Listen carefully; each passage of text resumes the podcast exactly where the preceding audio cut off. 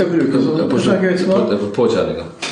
Ja, faen, vi må jo kunne tåle Vi må jo spille kamp. Ja, ja. Kanskje kan vi avlyse kampen. da Hvis det er så jævlig om å gjøre.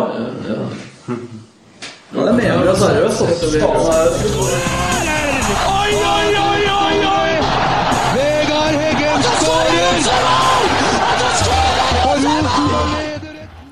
Hei, hei, vi kutta introen! Nå er det mange som blir fornøyd. Og noen blir lei seg. Det var ikke bare litt heller, det. Nei, nei, hva skal jeg sitte og høre på Var det da? noe intro der? Ja, det var litt intro. Ja, skal Ja, da var vi i gang.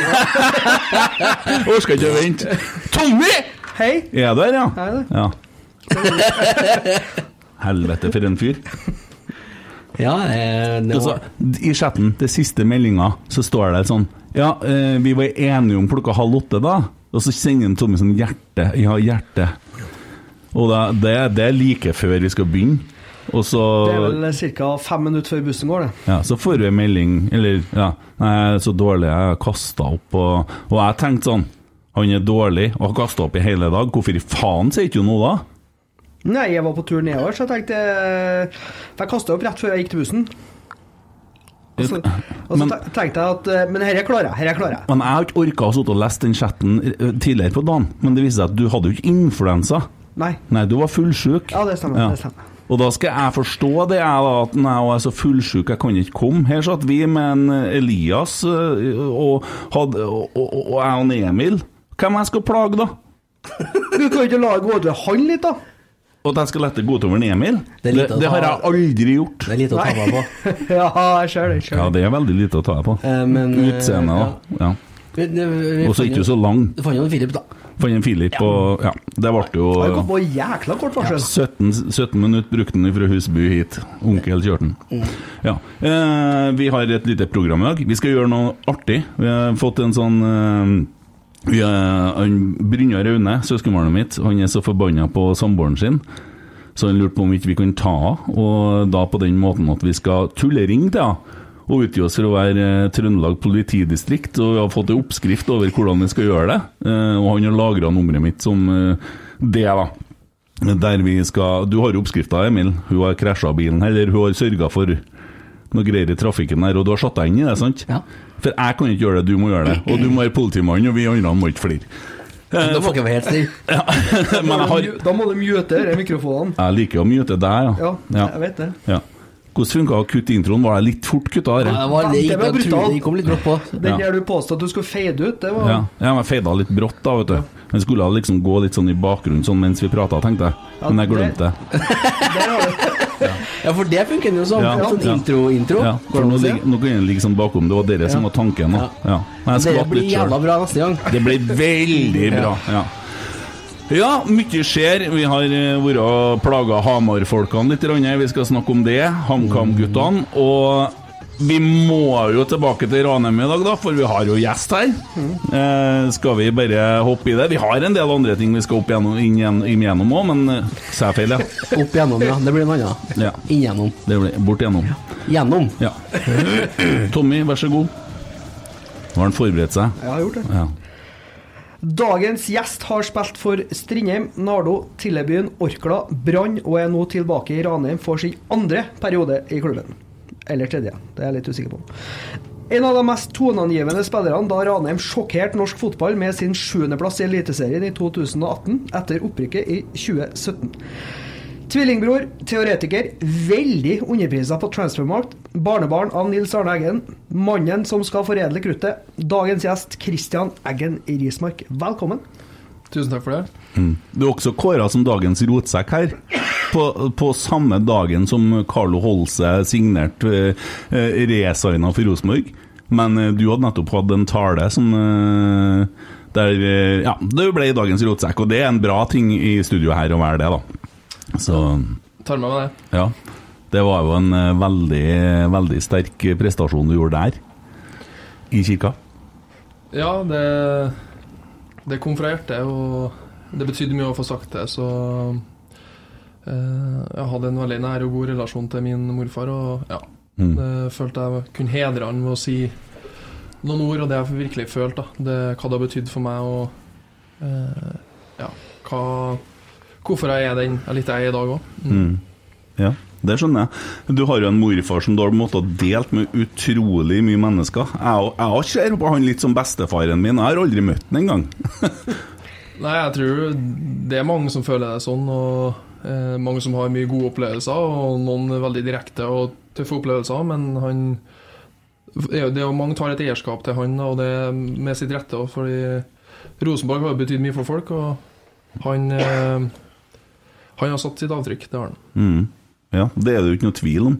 Eh, men eh, altså, Og du har på en måte Jeg husker jo du sa det, at du har på en måte hatt fri tilgang til forbildet ditt. Eh, hvor mye var du på Har du vært liksom eh, uti der i oppveksten og opp igjennom? Så for sånn Ja, det er en sannhet med modifikasjoner. Altså frem til jeg var ganske godt voksen, sånn rundt videregående, litt etter det, så var han litt mer sånn morfar som vi var til besøk noen gang, og var veldig opptatt mann. Og eh, det er jo ikke noe tvil om at han har prioritet, eller prioritert fotballen. Da, og alt det han Han har vært lektor, han har trent mye forskjellige lag osv., og, så videre, og Rosenborg har vært livet, så han har jo på en måte ikke vært vært så mye til stede sånn sett, men eh, fra begynte å interessere meg litt for historie og litt forskjellig, så har det vært mye. Og det har betydd veldig mye de siste 10-15 årene. Ja.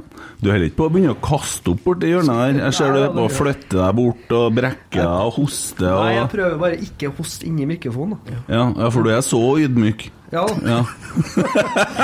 Skal jeg ringe ambulansen? Det er så snø. Holder på å få det da på søndagen. Jeg, altså, jeg er redd for gutten. Tror han holder på å utvikle alkoholisme? Jeg vet ikke. Det er jo lenge siden sist, Da. det vært sikkert mye på en gang. Eh, det stemmer jo. Det stemmer. ja. Urutinert som en er. Ja. Vi har vært på fest, vi da, Kristian. Ja, Jeg har spilt, og du har dansa eller hørt på eller kjeda eller vet ikke jeg. Nei, Vi kan si det sånn at jeg ikke husker så mye, så det var kanskje bra. da Jeg var spilt et Emil bortpå når Ranheim hadde sånn eh, Det var en slags årsavslutning, tror jeg, eller var det et julebord? Jeg er litt usikker. Jeg tror det var årsavslutninga. Ja, jeg husker i hvert fall dere viste en sånn video av at dere har slått Rosenborg eh, i cupen det året. Og det, det var så vanvittig jubel etter hvert som du så Rosenborg-spillerne lå med krampe. Og, ja, det så, egentlig så ut litt sånn som det så ut på fredagen, kanskje. Jeg vet ikke om jeg Ja, kanskje. Jeg husker den Jeg spilte ikke den kampen, det var 2014, jeg tror jeg, men mm. Så lenge siden. Mm. ja, det, ja, det var artig for oss som var fra Ranheim, selvfølgelig. Det var Det er jo storebror. Mm. Alltid vært det. Ja, Føltes det sånn på fredagen? Uh, ja, hva skal jeg si? Bare vær ærlig. Nei, jeg følte at vi var best. da Det var, det var litt overraskende, det. da Eh, Vi hadde veldig fokus på at vi ønsker å spille på den måten vi skal spille på, forhåpentligvis i, i Obos-ligaen. Men eh, at vi skulle få det til så bra som vi, vi følte vi gjorde. da At kanskje Rosenborg, eller ikke kanskje heller, da, at de ikke var på det nivået vi forventer, det var, det var overraskende. Men det er jo en treningskamp, og vi, vi er jo mer tent enn dem. Sånn vil det jo alltid være. Mm. Husker jo for eksempel Hvis vi møtte Åsane som, som brann nå, så var det jo ikke noe tvil hvem som var mest tent. Men jeg, jeg tror Rosenborg hadde- lyst til å vise seg frem, og de, de er jo litt usikre på det. De, det, er jo, det er jo en del nytt det de driver på med òg, så øh, Men vi har nå mest fokus på oss sjøl, så vi var, vi var veldig fornøyd, det må vi si. Mm. Merker du det på banen? At de er litt usikre altså, på presset, eller altså, tempoet, eller holder de lenger i ballen, eller merker jeg litt i den kampen der, må jeg si. Altså, vi hadde en plan om å reise dem høyt, og, og vi ønsker å ha det som en del av vår spillestil. Eh, og så vet vi at vi ikke klarer det mot Rosenborg hele tida, men vi får jo litt blod på tann når de slår ballen litt utover sidelinja. Eh, blir ganske forutsigbart det de gjør, da, ikke får til. Eh, kanskje ikke så overraskende heller, sånn, sånn, i og med at det er en del nytt for dem òg, men vi, nok, eh, vi får jo selvtillit av det, det er jo utvilsomt. Så Men jeg, jeg ble sjokkert, for jeg var på treninga og kikka litt på torsdagen. Det så jo så jæklig bra ut, vet du. Og, og, så, og så kommer dere der på fredagen, og, og i tillegg så hadde jo Kjetil og Geir vært opp, og Roar vært oppe på Kjernen-puben, der vi hadde en sånn uh, gjennomgang eh, med hvordan man skulle angripe kampen dagen etterpå og sånne ting. Men så sa han én ting, da, og det sa jeg på søndag, men jeg kan si det igjen, at veldig mange av spillerne har vært på rødt i over 20 minutter på den treninga på torsdagen. Det må jo bety at de er ganske tomme når de møter på kamp om fredag. Det er kanskje ikke det mest taktiske å gjøre i forhold til at du skal spille kamp dagen etterpå?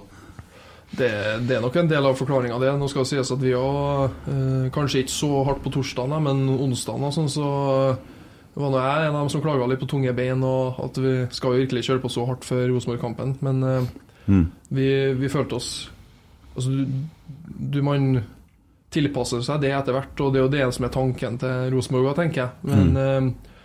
Uh, jeg kjøper jo Altså, det jo viktigste er jo å prestere når det er kamp, og selv om det er en treningskamp du, gode prestasjoner avler gode prestasjoner, og gode opplevelser avler så da gode opplevelser, så det, det, er en, det er en unnskyldning som er til stede, men de ønsker jo å få til ting bedre, dem òg. Og vi, vi ønsker jo å få til ting bra, så det, det, det er vel ikke bare det. Nei. Jeg regner med Frank Lidahl og markedsavdelinga casha inn en del sesongkort etter den kampen der. Ja, vi, vi var jo fornøyd, vi må, vi må være så ærlige på det. Vi er jo litt usikre på det vi, vi driver på med, vi òg, med tanke på forrige sesong. At vi får bekreftelse på det. Eh, og så har vi nå jobba godt og stått litt i måten treneren ønsker at vi skal endre oss litt på, og så ta vare på det vi, det vi har hatt da, fra tidligere av. Så eh, vi skal nå ha fokus på oss sjøl og ikke drive og snakke ned Rosenborg, egentlig, for vi er noen Ja, divisjon under. Så. Ja, det jeg liker det. Jeg liker det.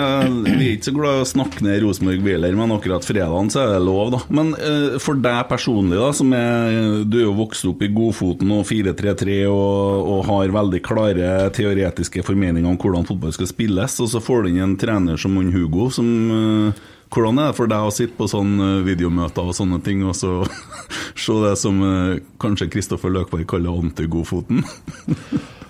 Ja, men det, det er jo ikke helt sånn heller, da. Altså, sånn som jeg opplever det. Så det er noen nye tanker. Men det Jeg har jo fått fra folk som følger med litt, og så sier de sånn Ja, er det sånn possession-fotball fra side til side? Nei, så sier jeg det er snarere tvert imot. Det er veldig direkte. Og, og vi ønsker å presse høyt, og det pressbildet, den identiteten er jo noe Hugo står veldig for. Eh, Og så er det jo om vårt å ta vare på det vi har vært gode på, det grunnspillet, og litt altså Om det er brede kanter i 4-3-3 eller indreløpere, det, det er forskjellige måter å løse det på. Det har jo litt med hvem som du har på laget, og hvor spisskompetanse man har. Men at man har en felles forståelse av hva som skal skje, og det er jo samme for Rosenborg òg, med 3-4-3, eller om det er tre bak, så er Altså i, i 4-3-3, om en dype midtbanespilleren dropper ned, så er det jo en trebacks der òg, for så vidt. Så det er litt hvordan du bruker kortstokken, egentlig. Men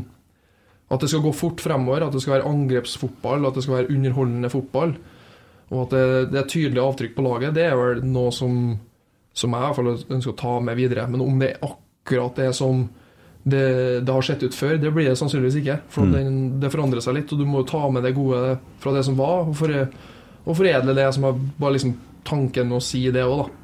Eh, så vel egentlig mest handler jo litt om lederskap, måten du er på, måten du trener på, måten man eh, Et fellesskap som, eh, der man involverer, der folk tar eierskap i, i klubben. altså Hvis du snakker for Rosenborg da, eller Ranheim, så man tar eierskap til måten vi gjør ting på, måten vi er på.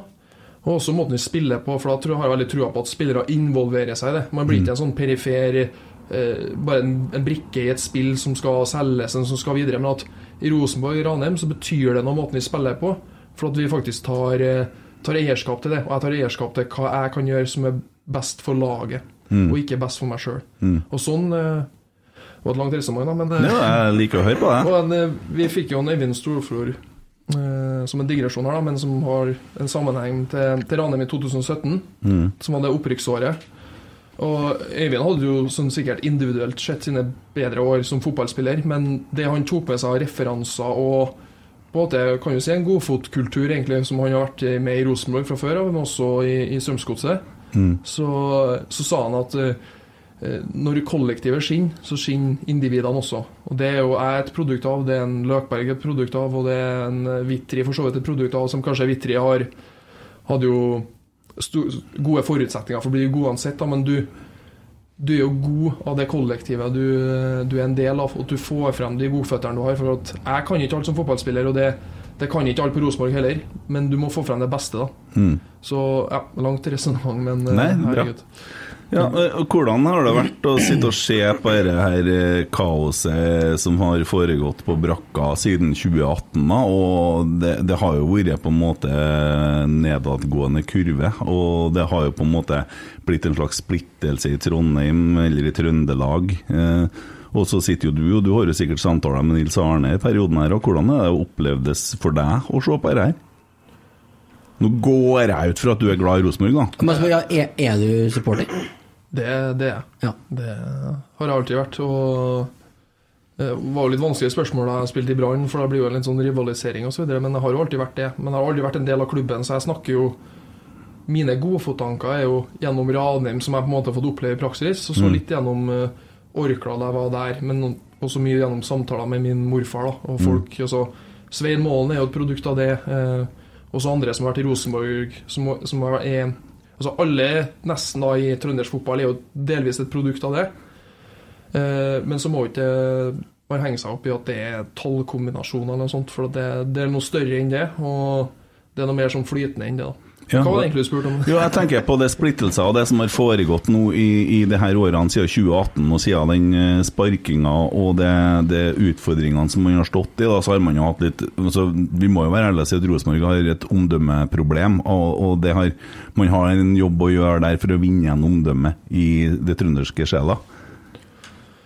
Ja, altså Om det er et omdømme Det har nok vært bedre før. eh, Og det har jo vært en del saker med Rosenborg som man ikke har takla helt på en, på en god nok måte. Eh, Hvem som er skyld i det, og hva. Det, det henger vel sammen. Og det Jeg tror Hvis du ser på United da for eh, altså, etter morfar ga seg, så har det vært Det har vært turbulent i Rosenborg i og med at man har lagt lista så høyt. og den den kan jo nesten bare rives på en måte for at du, eh, du blir sammenligna hele tida. Du må på en måte være som han var. Eh, men det betyr ikke at du ikke kan få til å gjøre det bra. Rosenborg har vunnet tross alt ganske mye. da eh, Selv om Rosenborg er en ressurssterk klubb osv., så, videre, så har det nå vært mye. Men eh, det var kanskje litt det, det hvis, man, hvis man leser Godfoten, så er det jo det er jo noe mer enn måten man bare spiller på. Det er en, må- det er en fellesskapstanke, det er en åpenhet en, Det er en åpenhet som er helt enorm. Det er journalistene i garderobe. Det er, her, her er ikke redd for konflikter. Her møter vi dem. Og det, det, det er gnisninger i klubbene. Det vil jo alltid være. Og det er jo toppidrett. Vi, Det er jo som i Ranheim, og vi pusher hverandre. Og jeg trår over grensa, og det gjør andre òg. Men jeg tror hvis man begynner med å snakke på kammerset og ikke tør å møte den den åpenheten man ønsker, det som Rosenborg har representert, og det fellesskapet virkelig at du man, man går på banen for å være god, men også gjør andre god. Og det, eh, det er lett å si, men det, det er en atferd du, må- du må le for hver dag, og du må etterleve den når du, som spiller og i klubben rundt. Og det har man sikkert gjort, og så har man kanskje ikke gjort det godt nok. Da. Så, eh, jeg vet jo at min morfar eh, for, han forsvarte veldig klubben, og det var mange som var ute. Så jeg husker jeg satt mange ganger i stolen ved siden av ham, og folk ringte og skulle ha han liksom, Nå skal han sikkert Nils skjelle ut dem som styrer i Rosenborg, men jeg følte at han var veldig støttende. Men han hadde jo klare meninger om hvordan det må være i Rosenborg. For det, det, det er antagelig sånn i andre klubber. I Ajax er det, det er en måte å være på måten du ønsker på at det skal være, og det er sikkert sånn i, i Bayern òg, for den del. Så det tror jeg man må, man må etterleve i, i, i Rosenborg, akkurat som i Ranheim. Og så er det, en annerledes klubb enn noen andre klubber, og det må man forholde seg til. Men det er flere måter å spille fotball på. Eh, Det er veldig viktig. da Ja, ser jo, ser jo Ranheim Jeg jo, kjenner jo Svein litt, og han skal forresten være med oss her i, på søndagen eh, fra, fra Spania. og Han er jo blitt litt Rosenborg-ekspert og adresser og sånn, så vi må jo, vi må jo selge inn litt sånn. Eh, og han er jo støpt i Nils Arnes i form, eh, mener jeg veldig, da. Eh, og han ble jo årets trener, var det i 2018? I, Ja. ja. Og, men, men når han da fikk sparken i fjor, eller man ble enige om å skille lag, så er han allikevel da med noen dager etterpå på et møte, og han er med på de begivenhetene som skjer, og han sitter på Ranheim og heier på laget, så det er jo veldig sånn. eh, Et godt bilde på hvordan en sånn prosess også kan foregå. Det er jo veldig behagelig. Ja, eh, det er jo som vi ønsker at det skal være, så, så har nok den eh, det, det er aldri artig å på en måte bli enige om det når man har vært med sammen så lenge. og eh, Det er nok flere årsaker til det òg, men eh, at man skal ikke, ikke være uvenner og ende opp i rettssaker og diverse. Det er noe viktig. Det er viktigere ting innen fotball i livet at man kan gå ut med, med hodet heva høyt og faktisk gjort en fantastisk jobb. Så Mm. eh, det, det er nok kanskje enda viktigere for meg å påpeke at hvis man skal ta ønske om å bli topptrener, da, så er det, det mange, mange hinder for å nå det, men at du faktisk du står for noe, har integritet og, og har noen verdier da, i bunn som gjør at du, det er ikke sikkert du lykkes, for det, det er vanskelig. Eh, Mm. Men at du faktisk har stått for noe, at du, du ønsker å være en person som, eh, som folk har tillit til. da. Så det Jeg klarer ikke det hver dag, men du vil prøve nå å etterleve det. da. Det syns jeg er veldig viktig. Eh, Den det var kanskje noe mest beundringsverdig synes jeg, med min morfar. Det er kompromissløs, og det er en del hersketeknikker. Det er litt sånn lederskap i det òg, men, men mest det vil og unne og ønske de fleste, at det- eller alle, at det skal gå bra. At vi, vi skal få til sammen. Eh, og det har jeg spurt om utallige ganger, og det svaret er det samme hver gang. Så Mm. ja. Jeg husker jo det når Brann hadde sånne store problemer en gang i tida, det var sikkert på 90-tallet, med organisasjonen sin. Så var jo Rosenborg nedover og hjelpa til i forhold til hvordan man burde bygge en organisasjon som fungerte. Så de var jo med og, og, og satte opp dette forslaget til Brann, så de skulle få dem litt på fotene på den måten der. Og det sier jo ganske mye om hvordan og vi hadde jo folk som jobba for Stabæk, som for fra Rosenborg til Stabæk for å hjelpe til med prosjektet med eh, hallen, Telenor Arena, som, og, og vært veldig sånn på skal spille andre lag god òg, da. Det har jo vært, og det er jo veldig Nils Arne sin ånd. Absolutt. Og øh, kom og se på, kom og være en del av. Vi deler på kunnskapen, fordi Ja. øh, det, alt det jeg kan, det har jeg også lært av andre, på en måte. Så det å være så heldig at du får, får innsikt i det og Selv om du kanskje ikke trenger å overvære en, hver dødballsøkt som, øh, som laget skal ha på fredag når det kamp lørdag, så, så hvorfor ikke komme og få se når vi spiller? For at selv om du skjønner ideene, så er det faktisk den samtidigheten og måten vi gjør det på, måten vi er på hver dag, som er sluttresultatet jeg har trua på. Mm. Så det er jo sikkert noen som er uenig med meg i det, eh, og det er jo en måte å se det på, men jeg har, jeg har litt trua på det. Du må dele på kunnskapen og være åpen, for da får du også tilbake. Eh, Så eh, det er jo et sånt Rosenborg som, som jeg kjenner. At det, det, det har vært sånn Da har det vært rimelig bra på den måten òg, men eh, du, du kan jo ikke lære bort noe du ikke kan heller, så du må, du må kan det. Mm. Ja, ikke sant? Man er jo litt avhengig av at uh, norsk uh, fotball hever seg i skal ikke si i nivå, da. For skal man jo få flest mulig lag ut i Europa, skal man Jeg orker ikke noe Bodø-Glimt. Nei, nei, nei, jeg skal ikke skryte av dem i hele tatt. Men altså, hvis vi skal få flest mulig lag ut i Europa, og vi skal få best mulig eliteserie og, og Obos-liga for den saks skyld, så er vi jo nødt til å dele kunnskap og, og være åpen for å gjøre hverandre bedre. Ja, jeg er helt enig. Og jeg skjønner jo man er ihuga Rosenborg-supporter, så er det jo vanskelig å, og liksom heie på. Men jeg, men jeg heier jo på, jeg heier på Molde. Og, Nei, nei, nei, nei, nei. Jeg gjør det. Så får jeg si noe annet hvis jeg faktisk tar på meg emblemet med, med RBK en dag. Så. Men når du gikk til Brann, det var tungt. Den, den var hard. Eh, jeg hadde jo uh, håpa å se deg i sort og hvitt, og så ender du i rødt, og så reiser ned. Men det ble ikke sånn som du hadde sett for deg den tida i Brann. Nei, det du må jo være ærlig på det. Eh, men, jeg, men jeg angrer jo ikke på det. Altså, vi Det er jo viktig å påpeke med Ranheim at det er eh, det, var jo noen uttalelser da jeg kom tilbake, f.eks. fra Åsane-spillere videre, at eh, jo i Ranheim er de jo heltidsprofesjonelle, eller liksom at de, de satser, og vi satser jo, men det stemmer jo ikke helt. Altså, det, det er semiproffklubb, og det, det er jo litt forskjell på det fra en del andre klubber, som om det er Stabæk og Mjøndalen og sånn, faktisk òg, som det er nå. Eh, så poenget var at eh, når den muligheten bøy seg med Brann, så var det så stor forskjell fra det, det å komme fra en liten bydelsklubb og vi, har- hadde sittet nede på DNB og gjort, hatt kveldsvakter og, og studert i tillegg, og det hadde jeg nok antakelig kommet til å gjort uansett, men det var mye, da. Og det å få muligheten til å virkelig satse på fotballen, det, det har jo vært en drøm hele livet. Så Hva har du studert for noe? nå går jeg lærerutdanning. Oh, ja. Men jeg har sånn idrett og bevegelse i i grunn. Det er jo en, eh, Høres ut som noen annen kar jeg har hørt om.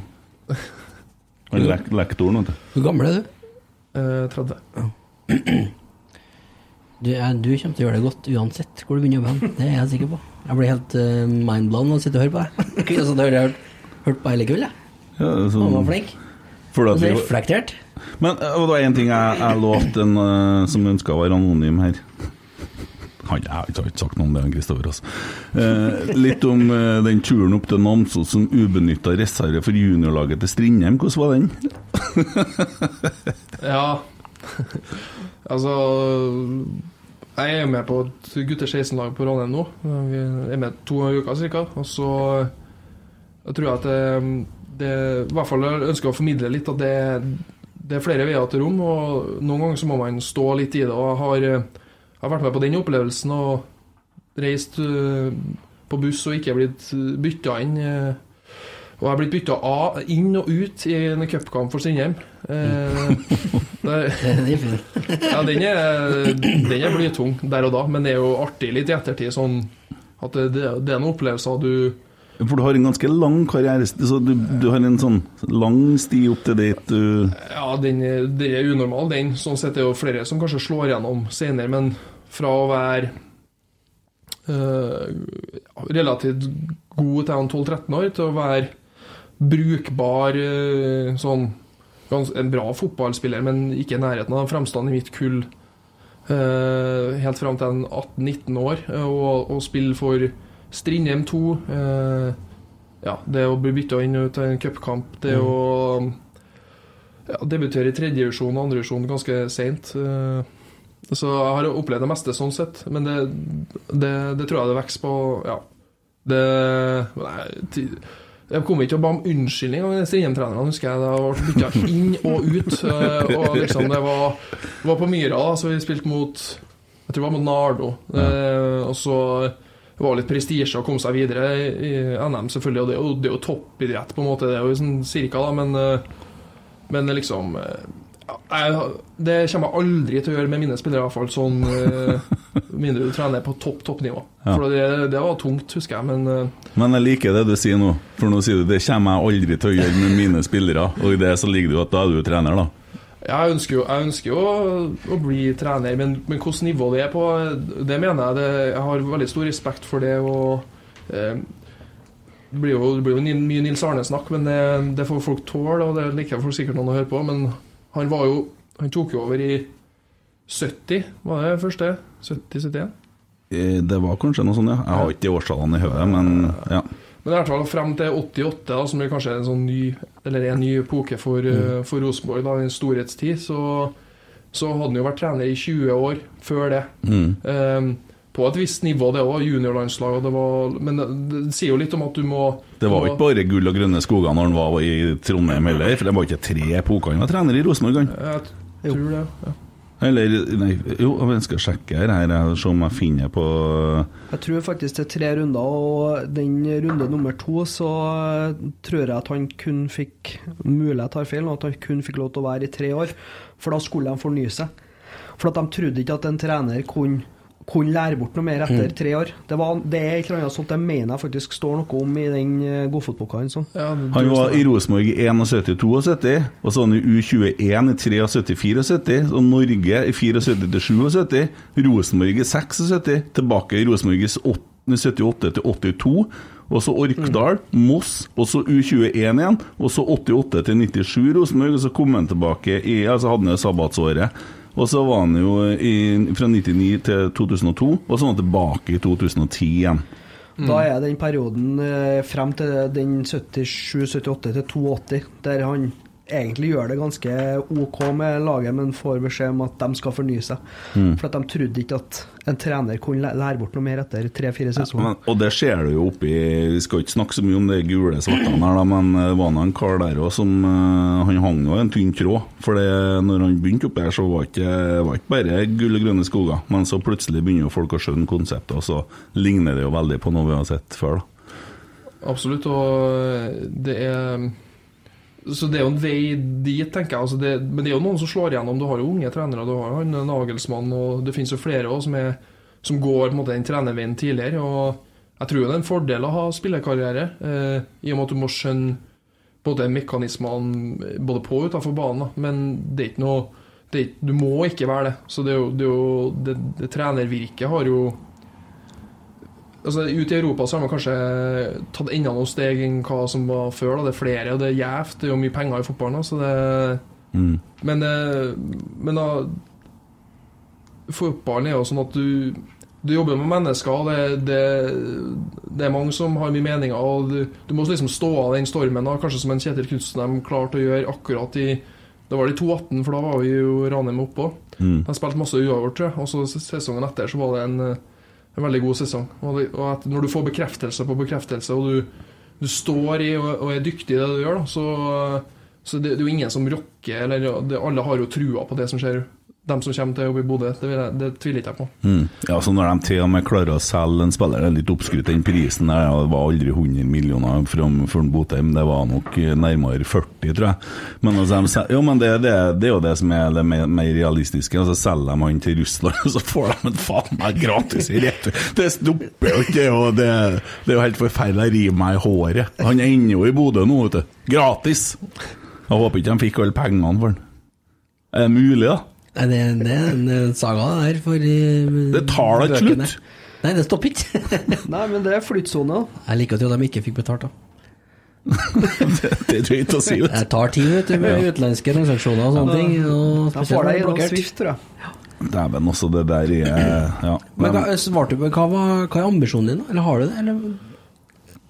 Jeg har jo ambisjon om å bli topptrener, det, det har jeg jo. Men eh, om jeg får det til, det vet ikke jeg. Må, må prøve. Jeg Ja. har nå så vidt begynt, så uh, Men jeg har Jeg er ydmyk og har respekt for det at det er det, Noen ganger så tenker man jo at faen, det der skulle jeg fått det bedre. Og det har jeg tenkt tusen ganger med trenere jeg har hatt, og med mm, og så eh, når du underviser om det er historie, eller når du faktisk har en fotballtime sjøl oppå KVT som er praksis, da, eller eh, hvis du skal ha guttetrening, så skjønner du at det er, det er litt mer med det enn å, enn å bare sitte og flytte noen brikker på tavla, eller og, og så synes jeg etter en fotballkamp. da Så jeg har respekt for det, men eh, du må jo ha trua på det du skal gjøre. Så jeg, jeg tror jeg har lært litt.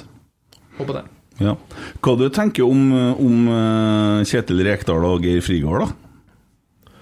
Nei, jeg, jeg er positiv, mest fordi at eh, jeg tror det er en enorm sult da, til å få det til. Det er virkelig Jeg, kjenner ikke Kjetil så snakka med ham noen gang, også, men, eh, men jeg tror han har drømt om å trene en sånn klubb av det formatet. Mm. Og virkelig vil ofre alt for å få det til. Eh, og eh, Geir Frigård har jeg ikke noe kjennskap til, men eh, jeg tror de utfyller hverandre. Og så, eh, så håper jeg at de bare klarer å skape et eh, jeg tror, jeg tror ikke Rekdal har jo den direkte og den, han er så ærlig i måten han, han, han altså Det er så forutsigbart for spillere. Altså, sånn vil jeg ha det, sånn vil jeg ikke, osv. Og så håper jeg bare at man får ut den atferden på, på trening, for de har sagt at de skal bli bedre og, og, og trene, trene godt nok for å gjøre det. Um, og det, har jeg tatt meg sjøl i mange ganger å si altså alle, alle snakker, lag snakker om at vi, vi ønsker å trene høy intensitet og kvalitet. Men hva, hva- er referansene for at man får til det? Hva, hva, hva, er, en god treningsøkt? Og Det tror jeg var, det var suksesskriteriet på, i Rosenborg sine storlag òg. At det, det, det er god treningsøkt, det vet vi hva er, og det er, det er knalltøft. Men det er også det er et konkurranseelement i det, en konkurransekultur der du ønsker virkelig å vinne på trening, gjøre det bra. Yte det, ditt ytterste. Eh, Og Roar er vel en stor representant for det, men så også en læringskultur. da en, At du må, du må vite hva du skal gjøre, og sammen vite. Eh, Og Det er jeg jo litt spent på om de får ut. Jeg håper jo det, men jeg har ikke noe kjennskap sånn. Eh, For at du bare sånn, Et eksempel. da, det Jeg satt og så United mot, eller Manchester City mot United. da Så var det sånn stopp i spillet, så ser jeg spillerne kommer over til Guardiola, og så er det det er beskjeder, det det er, er instrukser, det er alt mulig. Det det er spillerne kommer noen ganger med sitt osv. Det er en sånn brennende engasjement. Og, og liksom, Jeg nekter å tro at det der er sånn 'kom igjen, nå må du springe fortere'. på en måte. Det, det er på detaljnivå. Noen ganger så er det sikkert veldig enkle beskjeder. Noen ganger er det veldig sånn detaljert i hva Men det, alt representerer måten de spiller på, måten de øver på. Eh, og det er flere måter å gjøre det på, men jeg tror du må, du må lære bort ting, sånn at spillerne skjønner faktisk at hva vi skal gjøre sammen. Og det er jeg spent på. Jeg håper virkelig det. Eh, Ja. For jeg tror han har det første. Så jeg er spent på det siste. Ja, Det ser jo ut som altså, Geir han minner jo veldig om morfaren din på treningsfeltet. For Han kjefter, og han er forbanna, og han har tenning, og han hører han sier sånn eh, Nå ligger dere på 85 Hvis ikke dere går på 100% nå, så blir det lang løpeøkt etterpå. Da blir det mer altså, han, han drar det langt, altså. Han eh, presser dem ganske hardt, og de øker jo intensiteten for hver dag. Og det, det, jo, det har de jo målinger på. Så, sånn sett så ser det jo bra ut, men så er det jo noe med å skal gå fra det her trygge 4-3-3 som vi har snakka om til med som et styrevedtak en gang i tida, og skal endre det. Og vi snakka med en Olav Skarsheim en del om det, hvor vanskelig det er å endre det i hodet og lære seg noe nytt. da. Og det er ikke bare sånn det liksom. Absolutt ikke. Og eh, jeg, jeg tror du har helt rett i det første du sier, at det, det er noen som kommer inn med referanser på hva det vil si å trene tøft nok med nok intensitet. Eh, jeg tror det. Men jeg har jo ikke sett, da, så det, det blir jo litt synsing fra min side. Nei, det men, eneste du så, var på fredag, og det var vel ikke Det var ikke bekreftelse på det akkurat da, men, eh, men eh, jeg tror eh, du må få tida til å sette det altså du, Valg av system, og det kan jo også variere, men måten du ønsker å spille på. Og Det er jo en, det er en fors, liten forskjell i måten du, du løser ting på, men det er klart eh, eh, man må få bekreftelse også, for da får spillerne altså bekreftelse. Vi sier at det, Om Rosenborg har tapt mot Ranheim eller vi har tapt mot Rosenborg, så hadde vi kunnet fått bekreftelse på en del ting vi jobber med, for vi skjønner at det her gir jo effekt. Men hvis du har flere sånne opplevelser som Rosenborg hadde mot oss, så begynner folk å tvile. Eh, og det er, ikke, det er ikke for at ideene nødvendigvis er dårlige, men du får ikke helt ut til spillerne. Og det er man jo avhengig av. For at man Jeg, snak, jeg snakka med For at han eh, Vi skulle jo ikke innom Bodø, men jeg må bare si det. Men det har ikke egentlig så mye med det å gjøre. da Det har egentlig med at han eh, assistenttreneren Morten Kalvenes han var i Brann Ja. før han ble henta til, til Bodø.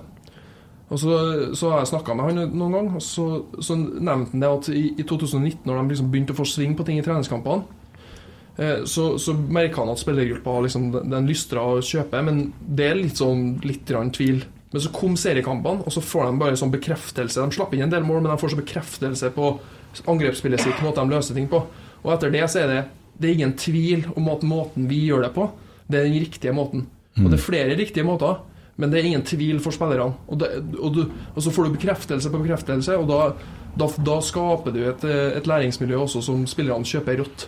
For det, det Men du, det avhenger av å ha gode ideer, og at ideene kommer ut til den spillergruppa. Og, eh, så det, det har ikke jeg noe svar på om det jeg kommer til å gjøre, men jeg håper det. Jeg hadde jo trua før 2019-sesongen òg, for vi satt i Abrahallen og så på at uh, Rosenborg egentlig uh, spilte ut uh, Bodø-Glimt før 2019-sesongen. Vant 3-1.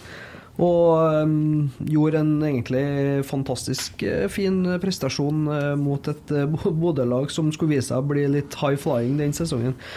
Så det er, det er litt rart å, å på en måte bivåne sånne treningskamper òg, for det er som du sier, det er ikke nødvendigvis Resultatet bestandig er så viktig, men det er hva du tar med fra det. Men på fredagen så var det ikke så mye å Vi ta har med seg. ingenting å ta med oss fra annet enn at det fungerte litt i andre omgangen. Og ellers er det artig å se at Ruben Alte begynner å bli god. Ja, han gjør det. Han, han så jeg når han var veldig liten gutt, for at han er fra Bangsund, og der har jeg bodd. Så det var sånn Bangsund Cup, og det husker jeg var artig å se på. Han var liksom ja, han var litt høyere enn kan Tomme er nå, sånn der. Og, og, det var morsomt, da, for han var god, vet du. Du så at det var et talent, og det ble snakka om at han der kommer til å bli den en dag. Og ja, det var spennende. Er han gammel blitt nå? 21. 21? Tror jeg. Ja. Men jeg husker det der. Det var ja, artig å følge med han. Så mm. Går det bra med Emil? Jeg har ikke sett den, så Nei. jeg skal ha ikke mye medel på, på det. Nei. Men eh, ja, det er Ruben det. Mm. Men det er, eh, jeg tror det var Torgil Gjertsen Jeg snakka ikke med han sjøl, men jeg kjenner jo han. At eh, han nevnte fra den Kristiansund-kampen har ikke jeg sett heller av Rosenborg, men at han følte i at Rosenborg var Det virka som at de hadde intensitet i spillet, at det var et godt trent lag. på en måte At det, det, det Rekdal hadde med HamKam, det, det er løpskraft og det, det er trøkk de kommer med. Eh, Klart det var litt andre spilletyper. Det var veldig, veldig sånn høyreist fysisk lag, det. Mm. Eh, Så tror jeg de gjør det litt annerledes med, med Rosenborg, men det ser jeg måten de på en måte ønsker at det skal være på. Mm. Eh, Du, klart, du har jo angripere som en Holse og Vecchia, det, det finnes jo ikke så mye bedre, sånn, sånn som jeg ser det. Så det Men i hvert fall, det er noe å ta med seg, som det kanskje ikke var så synlig på fredag. Da. Ja, og jeg så det på, I Kristiansund så spilte vi jo med en Røsten og en, uh, Mikkel og han eh, Renzo. Uh, for en Henriksen var jo sjuk, og Sam Rogers har skada. Sam Rogers han er god, altså. Han så nå var du mye i fjor, vil jeg tro, for du spilte for den måten. Mm, ja, vi fikk, vi fikk trøbbel med han. Og Ja. han virker Virker som veldig sånn Han er høyreist, fysisk god duellspiller og brukbart tempo. Ja, Mm. bra spiller. Veldig sånn uredd type. Sånn, nesten sånn typisk amerikansk. Sånn her flytt dere jeg tar, dere. Så det, men Røsten òg, for all del. Herregud, for et talent, da. Uh, nettopp fylt 17. 17, ja. Og ja. Langt. Ja, det er det. Ja, det er langt foran det jeg var på den tida, i hvert fall. Så ja, klart det. Han har jo alle forutsetninger, det. Og det er også en ting som er eh, Det gjelder i hvert fall Rane, men ikke minst for Rosenborg, at eh, jo bedre Rosenborg gjør det, jo, jo vanskeligere er det å komme gjennom som ung spiller. For at du, du må prestere på et visst nivå. Det er visse forventninger. Mm. Men at, eh, at Rosenborg eh, må ha en spillelogistikk som gjør at når, hvis det blir en skade, eller at det er visse kamper, så er det den unggutten som er spennende, den Emil Seid, eller hvem det nå er, som, som får muligheten, han Røsten, da. Og ikke noen som sitter på benken og blokkerer den, eh, den eh, plassen, som, eh, som sikkert er en decent spiller, men som eh, men som ødelegger på en måte for Det tror jeg har med spillelogistikken å gjøre. Det, det tror jeg er veldig viktig. At man tør å gjøre det sånn. Mm. For da kan du få litt varierende prestasjoner på kort sikt, men du får veldig mye igjen. Og du får litt det eierskapet og faktisk den stoltheten av at eh, jeg er jo herfra. Det må jo ikke være en trønder, eller, og sånt men vi, vi er jo glad i det, og det bør jo være en viss andel av det, og i hvert fall nordmenn òg. Så eh, den måten å tenke på som jeg syns Rosenborg har valgt litt mer, i hvert fall, det, det syns jeg er viktig. Det er masse gode fotballspillere fra, fra Trøndelag. Mm. Og ja. Hørte jeg en mann sa før, før en gang òg. Ja, men så har du òg det aspektet at vi har to trenere nå som våger å bruke spillere i en viss alder. Skjær av med en gang. Eh, Oppsett i fjor var jo eh, 19 år og kaptein. Og, og spilte eh, mye kamper. Eh, De hadde flere spillere under 22 som fikk godt over halvparten av kampene i fjor. Og Det viser jo det at vi har en, en trenerduo som våger å satse på unge, talentfulle spillere. Og det er jo noe vi har savna. Mm -mm. Savna. Veldig bra, Tommy. Nå skal vi bryte opp litt. Emil, er du klar for å gå inn i politibetjentrolle? Og ring da Vi skal ringe til en Brynjar, for det er jo han bilen er registrert på. Og da har jo hun blitt fanga på et kamera, hun som har kjørt. Hva Heter hun Aune, hun, eller? Nei, hun heter Katrine Ja, Det vet jo ikke vi, for at bilen står jo registrert på Brynjar Aune. Ja. Så- Men han forteller at, eh, at du har sett at det er to damer som har kjørt den bilen. Og så har du resten av historien der eh, på melding, så jeg regner med du har satt deg inn, i ja. Så må vi andre prøve å ikke flire, da. Eh, Så du har fireren du, Emil? Jeg vet ikke. Ja. Prøv. For da kan jeg mute oss andre. Klarer, klarer du å gå i rollen? Jeg skal i hvert fall prøve. Ja, for nå tar jo Brynjar telefonen, så Ja. må du ha en fake samtale med han som politibetjent, og så skal vi se hvordan dette her blir, da, så ser vi hvor langt vi klarer å dra det med. Ja. Gi henne bot og prikker. Ja, det skal Ja. jeg få. Herre kan bli, herre, herre er en, sånn, kan bli en nyvinning. Jeg muter oss andre. jeg.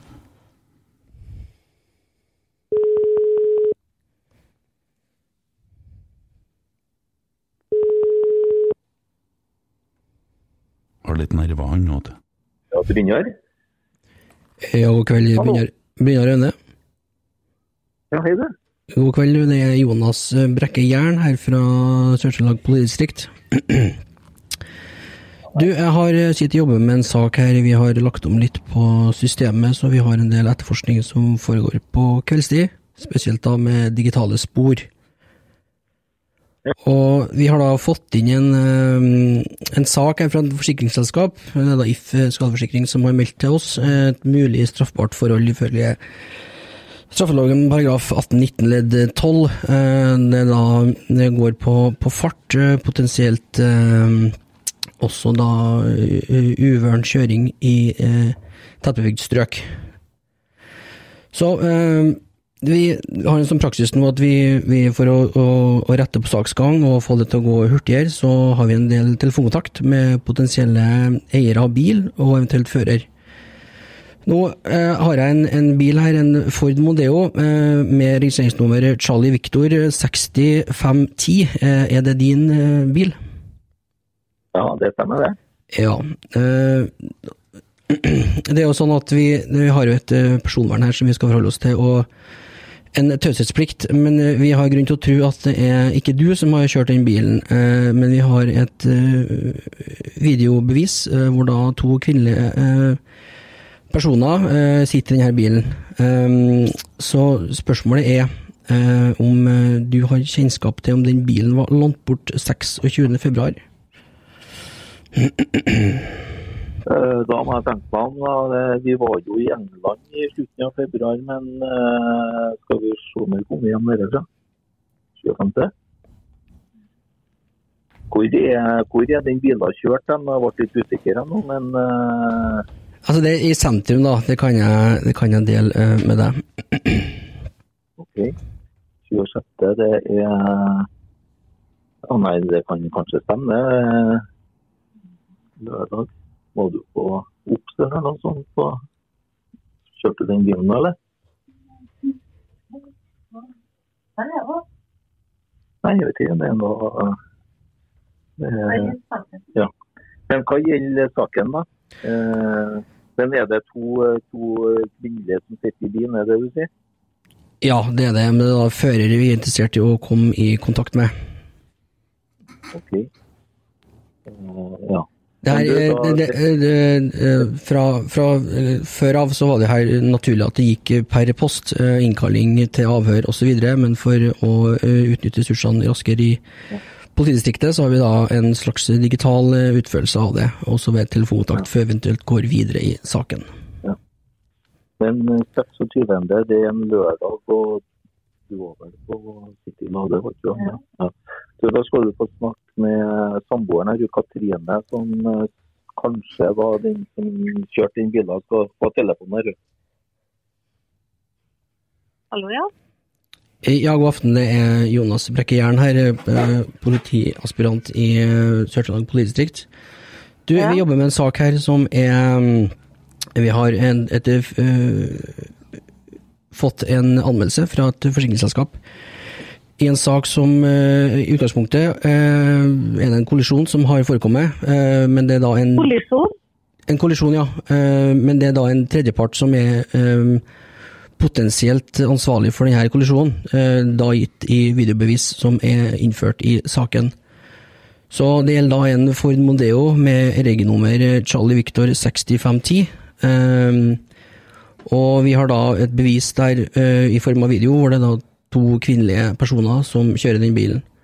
Nå er jeg jo klar over at den bilen ikke er registrert på deg, men da på Brynjar Rønne, din samboer, eller den du er gift med? Ja, ja. ja.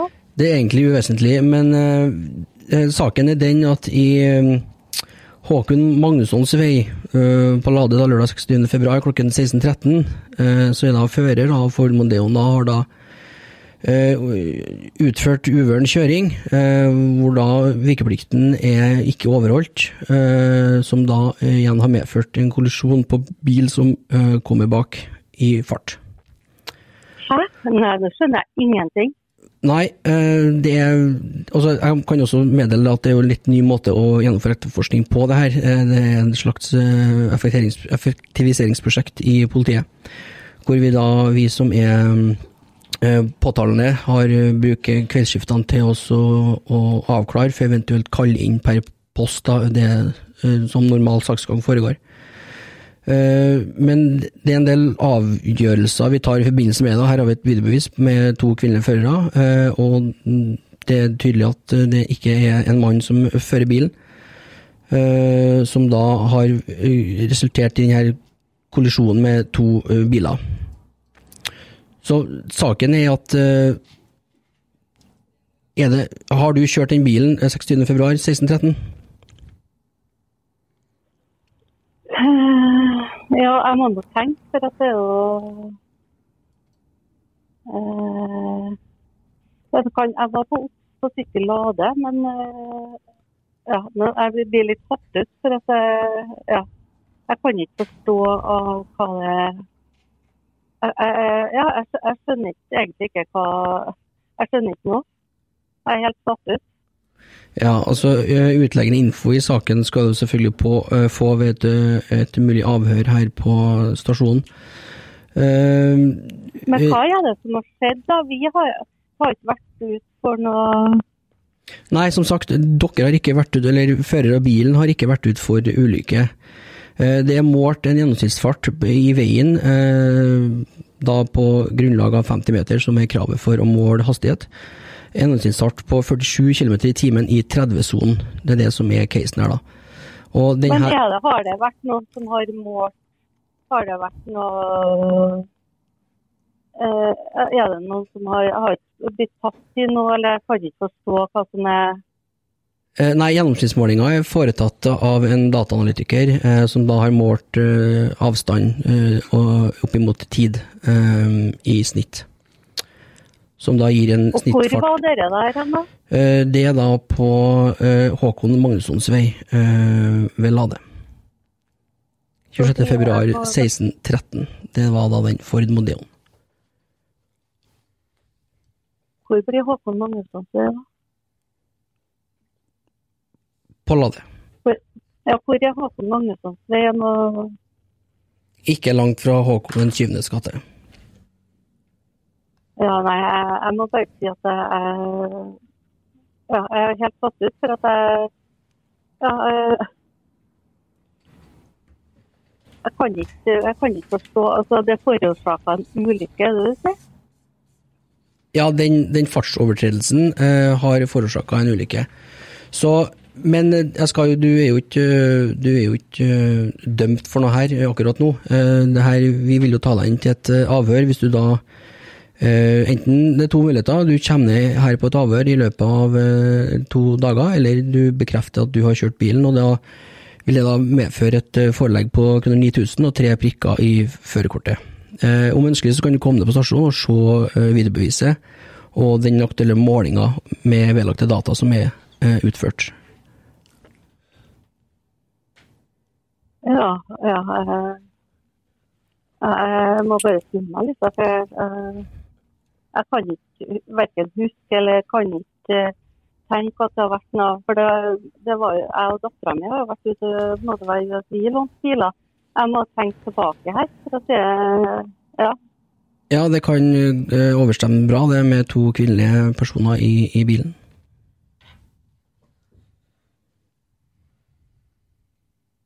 Ja, ja, nei, men eh, jeg, jeg blir litt satt ut. Jeg må jo få summe meg litt og tenke tilbake. Og, og synes at jeg må få litt eh, Ja, og få, få mer forklaring. Da, for at vi er jo ikke stoppa for noe der og da. Dette her er jo Nei, det, det, det er du ikke, det, det er derfor du blir tatt inn til Davor, avhør, eh, i, i, i så fall. Så um, jeg hører at du har jo problemer med å bestemme deg, så at du, du kan enten ta også Nei, jeg har ikke noe problem, men, men eh, det kom sånn, jeg, jeg, jeg kan jo ikke huske at jeg har kjørt i så mye Hvor mye sa du at det var? 47 km i timen eh, i 30-sonen. Så jeg tenker at du, du kan bruke to minutter på å bestemme deg, og så om du vedtar forelegget, eller kommer ned på stasjonen i løpet av eh, onsdag eller torsdag. Ja, jeg må jo, jeg må jo få se, og jeg vil jo gjerne prate med dere, da, for at eh, Da er det 1 minutt og 45 Ja. sekunder igjen. Hæ?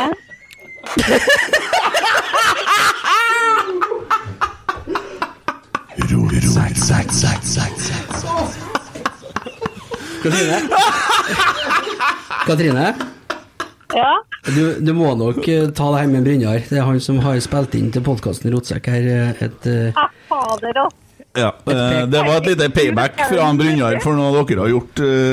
Ja, Det gikk ikke så. så Godt jobba. Eh, Vi sender deg Vipps-nummeret, vi, så får vi 9000 kroner. Du skal slippe prikkene. ja. Ja. Yes. Han har jo verst av alt at han har lagra, vet så står det Trøndelag politidistrikt på telefonen hans. Jeg steller han jo dere sa Ja ja. Men uh, du kommer til å høre denne podkastepisoden, ja. Du må være snill med brenneren nå, da. ja. Vi ønsker dere en eh, veldig fin kveld. Brynjar sitter og kikker på noe engelsk fotball. Det bryr ikke vi oss så hardt om. Så vi fortsetter her med Christian Eggen Rismark. Takk for praten, da. Hei. Bare men der var du god, Emil! Det ble, det ble litt langdrygt. Høyt nivå. Høyt nivå. det ble langdrygt. Jeg syns det ble interessant. Jeg. Jeg syns dere må navnet Jonas Brekke Jern. Jeg holdt faktisk på å spoile hele driten med en gang. Da måtte Jeg kunne ikke se på Kent. Ja, det var en Jonas Beck. Det slo meg andre gangen du sa det her. Ja, ja. Ja, den var fin. Ja. Her, er- her er det muligheter, ser jeg. Her er det muligheter, så vi stiller oss jo åpne for flere sånne. ja, det er bare å sende Det er et mareritt det der, faktisk å få en sånn telefon. Ja, for du- du har jo er sikkert lyst til- Men du har respekt likevel, Du har lyst til liksom. å kjefte sikkert, eller bare bryte ut i et eller annet. Ja, og Så sa jeg til en Brynjar før ta lager nummeret mitt som Trøndelag politidistrikt, for at hun blir så stressa at når hun ser på telefonen, så, så hun klarer ikke å For at hodet begynner å gå, sant? Eh, så Så er det jævlig når du vet at du har vært på Lade òg. Men samtidig vil ikke helt innrømme det. Nei! Sitt deg i Kvart saks. over fire, det tror ikke Nei, jeg. dere ble bra, dere ble bra. Hæ? Dere var, dere var klasse. Ja ja. Nei, men eh, kanskje vi skal ta fatt i litt spørsmål, da. Vi har jo fått inn en del spørsmål. Eh, følger du med Champions League og engelsk fotball og sånn? Sitter vi og ødelegger kvelden din nå? Jeg må si ja, jeg føler meg Jeg gjør det. Ja og ja, sier jeg. Ja, vi får begynne å stille spørsmålene. Ja. Ja. Kan jo starte med et dilemma fra Jan Olav Foss. Er det heslig, så driter vi i det, altså. Nei, det er ikke Nå, det. Eller jo, det er egentlig det. Det er veldig tungt på denne sida. ja. Ja. Spill for Bodø-Glimt i to sesonger, eller ha hemoroider livet ut? Spill for Bodø-Glimt. Jeg kjører salve. Ja, men skal vi svare, ja? Ja, du kan jo svare på det jeg tror jeg har spilt for Bodø-Glimt. jeg. Jeg har jo aldri hatt muligheten til å utøve noe på toppnivå. Så det, Jeg har i hvert fall sikra at de røkka ned det Ja. året. det andre det har jeg prøvd, så det Anarki, ja. Det Ja. Har du prøvd hva du har prøvd? Ha, Det har du har da ikke prøvd å ha hemoroider livet ut? Det er ikke livet ut, nei. Har du hatt det? Nei, jeg vet ikke. Jeg tror ikke Jeg bare byr på meg sjøl. Ja, ja, sånn, ja. Neste spørsmål. Eh, Frank Amundsen 89 spør eh, sykeste historien fra dusjen etter kamp. Om jeg har noen syke historier fra dusjen etter kamp?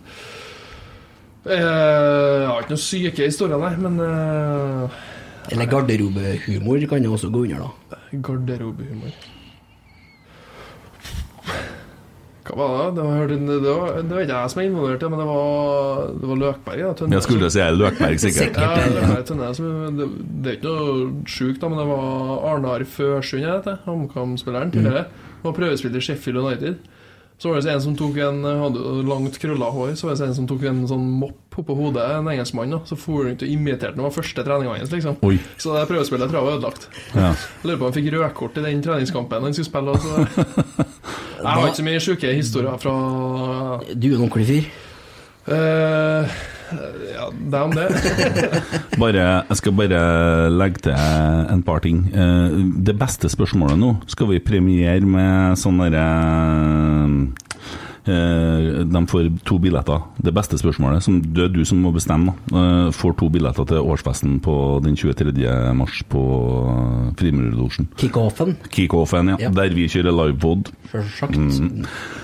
Og så skal jeg, mens jeg, for jeg trenger ikke å stille spørsmål nå, men nevne en ting til, som jeg bare mens jeg husker på det. Vi har han Arnfinn Berg, han eh, har en spleis på gang. Vi holder oss jo unna dette Ukraina, Russland og det tingene der i poden, for vi skal være et lite fristed. Men jeg skal ta med ett unntak for Arnfinn, fordi at han har starta en spleis der han eh, ønsker faktisk å reise til eh, Ukraina.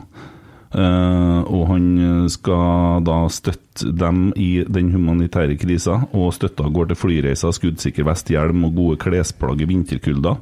Uh, han uh, drar dit for å være til hjelp, og bidrar uh, for å bidra den på den humanitære delen av krigen. Så vi oppfordrer folk til å sjekke ut den spleisen som en Arnfinn Berg har satt i gang. Jeg tror vi har delt den en gang på Twitter, hvis ikke så gjør vi det etterpå. Eh, så vi hyller jo den, selvsagt. Ja, bare fra, da har jeg huska på det. Jeg glemte det på søndagen.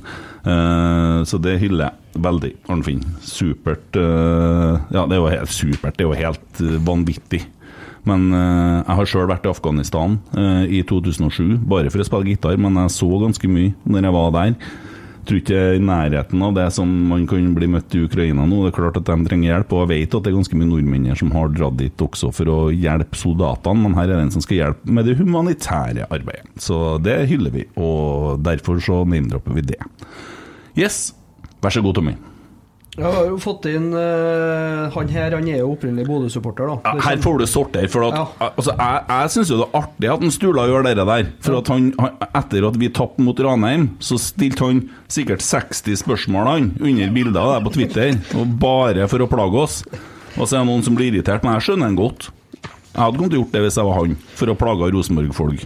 Så det, det er greit. Men hvis du har et uh... Tror du Rosenborg rykker ned i år? Nei. Nei. Den fikk du. Det er så mye Hvordan føles det å være breddespiller og knuse en gjeng med overbetalte RBK-spillere? Burde RBK gjøre som Ålesund og kjøre walkover for å bespare krefter? Og så videre. Det er bare sånn Du sa det var positivt, du? Ja, men jeg, jeg skjønner at han gjør det, for han er jo Bodø-Glimt-supporter, og han eh, har det jo artig på Twitter, ikke sant? Så det, det er bedre med sånne folk enn egne, egne supportere som er negative til klubben. Jeg tåler jo at en Bodø-fyr som de- Hva er tre-fire supportere oppe her, da? De, de har nå fått seg podkast nå. Det, er- det er kjempestas. La dem plage oss. Ja, han han skal få ett til, da. OK? Tror, hva tror du Rosenborg mener med hvit tornado? Ja, Det kan du sikkert ha et godt svar på. Hva jeg tror Rosenborg mener med det? Mm. Det er vel at en hvit tornado som skal komme ut på banen og sjokke motstanderen, ikke Det er vel fordi at morfar sa det for en del år siden, at vi skal være en hvit tornado som går ut her og feier om banen. Jeg mener at han sa det, og derfor tok TV2 det navnet på den dokumentarserien. Ja, du har rett i det. Ja. Ja. Så hvit tornado er Nils Arne sitt ord, og derfor burde ikke Stula tulle så mye med det, for det er veldig vakkert. Veldig vakkert. Finere enn barten til Stula, i hvert fall. Ja, Det orker ikke jeg å diskutere, jeg tror ikke han har bart lenger, heller, men de tar etter alt. Hvorfor skulle ikke begynne å ha bart oppe her? De må begynne med alt det andre. Det er klart de begynner med bart. Ja, det var det. Jonas Aune Sunde. Hvem er det? Spør, det er din bror. Nei, nei, nei. Hvor er du om ti år? Hvor er jeg om ti år? Jeg trener et, uh, til Rosenborg. Skal vi si det? Ja, hvorfor ikke? Ja, drømmen, det. Mm. Mm. Du og Svein Målen, vet du. To spann der. 4-3-3. Ja, det om ikke, om ikke Løkberg, det. Ja. Det blir for mye kaos, det, kanskje. Ja, men han har eh, mye gode tanker. Løkberg er ve- veldig flink, eh, Mm. absolutt. Så det er jo et uh, treneremne, det. Det er ikke noe tvil om det. Hvis vi skal ha samme setene da, så tror jeg vi trenger ørepropper i så fall. Nei, men hvordan pod var det vi hørte den i hvor den var så steike god? Løkberg. Han var i hvert fall i en pod for en stund siden der jeg syns han var Han Ja, den var briljerte. god, ja. ja han var, var som, Sommeren, ja, ja. Rasmus og Saga. Var det? Ja, jeg tror det var det, ja. Han var dritgod. Mm. Ja. Han er flink. Han, øh, han er reflektert og rolig når han er av banen. På banen så er han jo, er han jo en, eh, nå er han en blå tornado. Så Ja, og hvor han roper hele tida. Når Viking tapte 5-0 for Rosenborg her. Han steiker tak hvor han gikk og brøla. Ja, det er voldsomme saker. Det er jo det, Mikke Karlsen har aldri vært så god med en Løkberg bak seg, for da var det ikke noe annet å gjøre. Han måtte jo bare springe. Hvis ikke så snudde seg og beina holdt kjeft et par ganger, men eh, Jeg blir ikke irritert på han.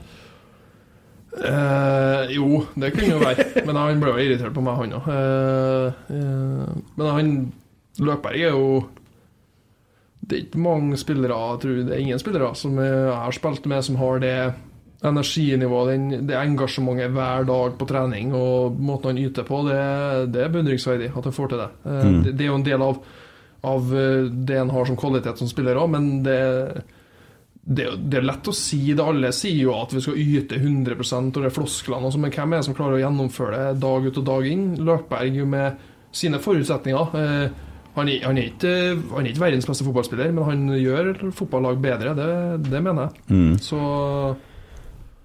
Han har, Det er bare å se hva som har skjedd med Viking etter at uh, han med flere for dit, og de uh, la om til en ordentlig formasjon, skulle du si, og, og, og gjorde litt sånn som Bodø, da. Begynte å trene på noe de hadde trua på.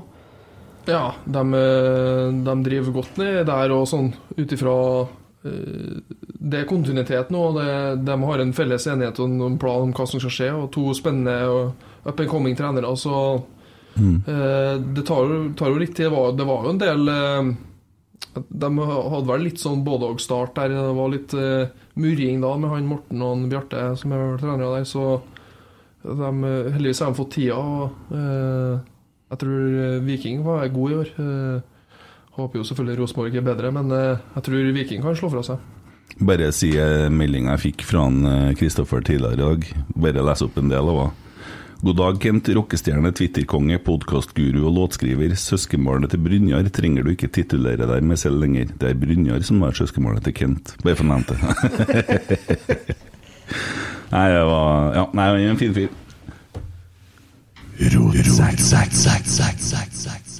Hadde han flere enn Jonas, kanskje? Han hadde, vet du. Ja. Eh, På hvilket område er du mest lik Nils Arne? Uh,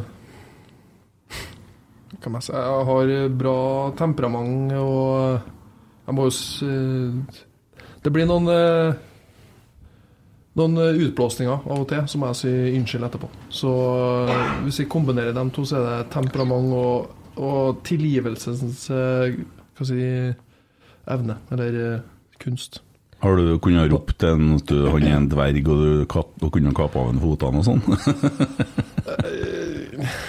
Det er vel alt his Jeg tror nok eh, han har blitt arrestert for en del ting han har sagt i dag. Eh, Jeg tror ikke det har brydd seg så mye, men, eh, Nei, nei, nei. men det er klart at det var noen sekvenser i 2.10 der og med akkurat på kanten, og du får lov til for at du er den du er, men Ja. samtidig så er jeg opptatt Eller det skal ikke det er jo litt sånn eh, Det er jo en avvæpning i, ting òg, tenker jeg at du, Det er litt sånn krenk, krenkesamfunnet òg. at man skal liksom ta til seg alt. Du må passe på hva du sier til hele tida. Men klart du, det bryter jo litt med åpenhet, det òg. Det har ingenting med å trakassere eller, eller eh, ydmyke noen, men det har eh, Det er, litt, det er en humoristisk snert bak det. Akkurat som at noen kunne kalle han en feit sinnatagg, f.eks., eller et eller annet sånt, så tror ikke han tok seg nevneverdig nær av det. Nei. Eh, men ti oss det. Tommy er jo en dverg, for eksempel, og han har jeg kunnet tenke meg å kappe av fotene. Men, eh, og nå når du sitter her og holder på og går i oppløsning, hva er det som feiler halsen din? Det, Jeg vet ikke. nei. Eh, Du minner meg, så du har styla skjegget litt i dag òg, så litt sånn Gimli på slutten av 'Ringenes herre', men nå begynner jeg etter hvert å se ut som Gimli i slaget når det, når det, ja, når det pågår. Ja. Er du ferdig, eller? Nei. Nei. Du skal fortsette, ja. Ja, Jeg kommer til å kjøre på hele ja. dagen. Og Mm. hele dagen. Mm. Nei, det er tøft. Ja. Men det temperamentet, når kommer det fram det, da? Det er på trening og kamp, eller? Er Ja, trening og kamp. Og det er blitt roligere i sånn Det er fotball og konkurransemodus, så jeg føler jo at jeg må skal vi si, balansere akkurat på den på den knivseggen for å være på mitt beste sjøl. Og så eh, må jeg jo jobbe med at det Hvilken type kommunikasjon har jeg med dem med og rundt meg. Og, men det, det er jo det er jo noe med å, å virkelig altså, Hvis du skal yte og prøve og gjøre ditt beste hver dag på trening også, det, Du kan ikke ha en likegyldig flat gjeng som er det toppidrett. og det, Du må pushe hverandre og trår ofte over grensa, men med å be om tilgivelse og at man er ferdig med på en måte, det, det er viktig. Ja, det, man har hørt det før, men det, det, det er kanskje en forskjell fra eh, de gamle guttene, hvis det var Roar og Strand og Bent, og hvis man bruker dem som eksempel, at det var kanskje litt høyere under taket. Nå må man liksom passe på litt med hva man sier til hvem, eller hva man sier til hvem. Og um, det, det, det, det har nok kommet litt for, litt for å bli, men jeg tenker, det, var, det er jo et Nils Arne-uttrykk som er Du er ikke sånn, vet du. Du var sånn. Mm. Og det, det er noe i det at du kan faktisk endre deg. Eh, Det er viktig. Mm. For det, er liksom Ja, men jeg er bare sånn. Nei, du var sånn. Mm. En annen ting med Nils Arne er at han sto jo veldig for det her med åpenhet rundt psykisk helse. Han har jo, han har jo levd med eh, en del ting som har skjedd i, i rundt seg og med, eh, i, i familie og sånne ting, og vært veldig åpen på det. Eh, noe som jeg er veldig begeistra for. da. Eh, hvordan har du altså, Har dere hatt mange sånne samtaler i forhold til sånne ting? Hvordan møtte han deg når Knut Torbjørn døde, f.eks.?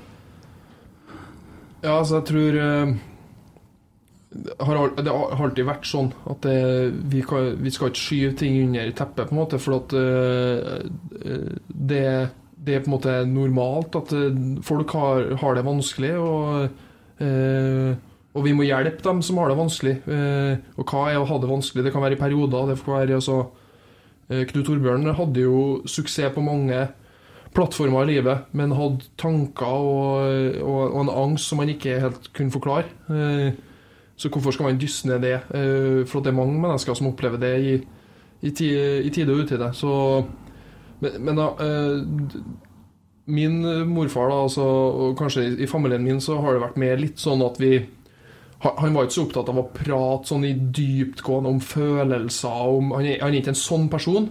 Men, men å ta opp sånne ting at hvis du, hvis du har Jeg husker bare senest i, i, i fjor høst, da det var litt motgang med, med Ranheim, og det, det var litt, litt forskjellige ting. At eh, så kom jeg liksom og sa til henne at jeg, blir litt usikker på hvem jeg skal være, for jeg føler liksom at det, det passer ikke helt til alle. eller på en måte sånn, Og, og det å prate om sånne ting med han, det, det er fantastisk. Eller Og øh, Jeg blir litt rørt når jeg prater om det, men øh, det er liksom øh, Hvorfor skal, hvorfor skal vi ikke vi, vi prate om sånne ting? Det, det er normalt å føle på det.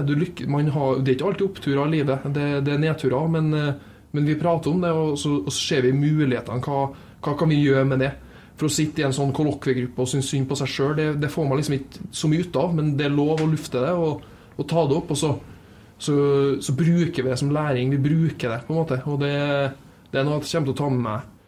Og det å etterleve, det er vanskelig. Den der positiviteten og den, det å se løsningene der, det, det er vanskelig å ta og etterleve hele tida. Men jeg skal, jeg skal prøve på det, og det har jeg virkelig lært mye av. Å se- å ha et sånt Å se en måte på livet på som mm.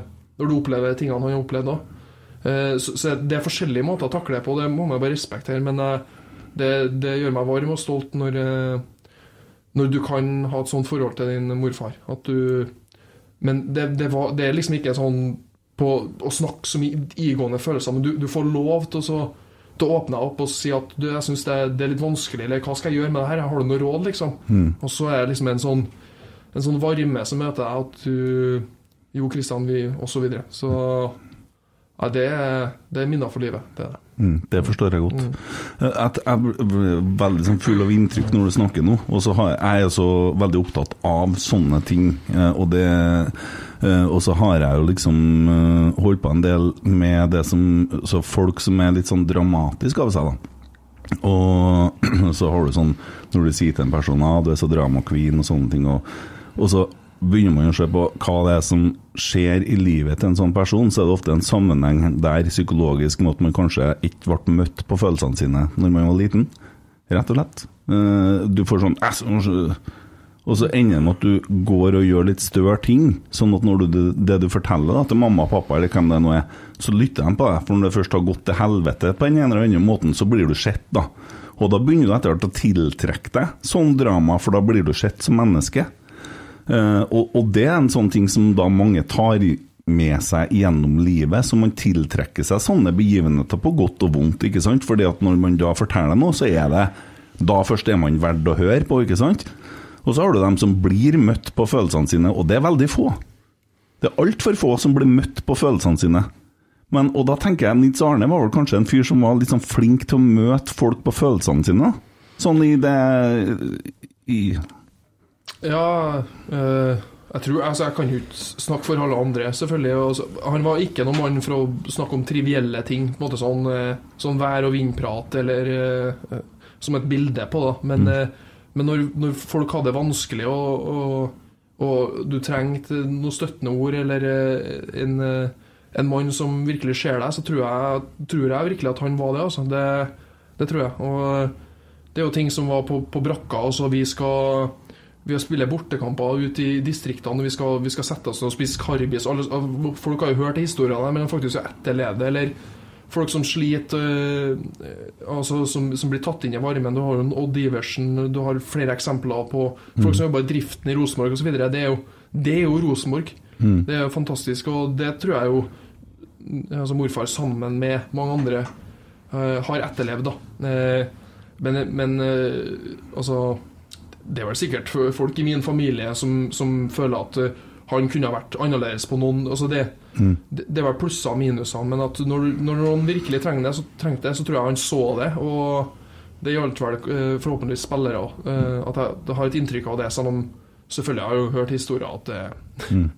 det var ikke alle, var ikke alle som fikk eh, på en måte det, det varmen alltid, da. Men eh, jeg tror i hvert fall når det, når det, når det er snakk om noe større ting enn om eh, å treffe en innsidepasning, så, så var han der. Mm. Det, det er inntrykket jeg har, i hvert fall. Mm. Ja. Ja. Og jeg tenker nå det du sier at du har lyst til å bli trener, og så du har da eh, 20 spillere i stallen, og der har du eh, da eh, 40 ører, eller 20 forskjellige øresett, som hører på 20 forskjellige måter. Og så skal du fortelle en ting, så blir det hørt på 20 forskjellige måter. Det der er jo en kunst og en balanse og skal på en måte kommunisere. Og der har du sikkert folk som har veldig forskjellige behov. Eh, er det, hvor mye er det sånn sånn trenerutdanninger som kommer jobber man med sånne ting? Som? Nei, det Ja, det er et godt spørsmål. Eh, jeg tror det er jo fordelen med å ha pedagogisk utdanning, da. Eh, og at man, man driver med, jobber med grupper. Altså vi, om det Du kan jo kalle det en prestasjonsgruppe, om det er i klasserommet, men det er jo på litt andre premisser. Mm. Men eh, at man faktisk eh, lærer kunsten om å lære bort, og forstå eh, også at folk lærer på forskjellige måter. Og det der er jo en Det kommer man jo aldri til å bli utlært på. Og det er, mange, det er mange måter å gjøre det på, mange innfallsvinkler, men jeg tror eh, du, du må i hvert fall ha en Morfar hadde et bilde på det at du, du kan ikke tro at didaktikk er en matrett. Eh, og det, ja, det er et faglig uttrykk. Da. Så, så, så, hvis du skal Du må på en måte vite litt i teorien òg, mm, hvordan folk lærer, og eh, hvordan på en måte grupperinga funker. Eh, og det får du jo lærdom av i mange forskjellige yrker. Det får du lærdom av å være fotballspiller, for du forholder deg til folk hele tida. Men eh, du må kanskje også vite litt det, det tror jeg er den største fallgruva man, man har hvis man er spiller, og så skal man gå over til treneryrket. Så tror man at alle andre lærer på akkurat, eller oppfatter akkurat sånn som jeg oppfatter ting. Ehm, jeg tror, og den, den type typene er Det er noen som bare har det. Kanskje en Zidane, eller det er noen som tar det, bare for at de, de skjønner mekanismene. Og så er de fleste må faktisk um, innom uh, noen type teori og, og, og praksis for å, for å lære bort. Da. For at det er, det er forskjell på det. Det, er, det er en gigantisk forskjell på det. Så eh, jeg håper jo at eh, det, det gir deg en fordel. Du, du må jo ikke ha den veien heller, men jeg har litt trua på å ha den veien. da. Eh, for du er, du er ikke fotballtrener, du er også du er fotballpedagog. Du skal faktisk lære snakka om i stad, at du skulle lære bort eh, og At jeg står og sier til noen, eller eh, viser på video at du må gjøre sånn. Altså Akkurat som at han har lært. For, for du, du bruker jo andre sanser når du er ute på banen, og du skal gjøre den vurderinga et tidel av et sekund. Og da må du faktisk øve litt på det ute på feltet.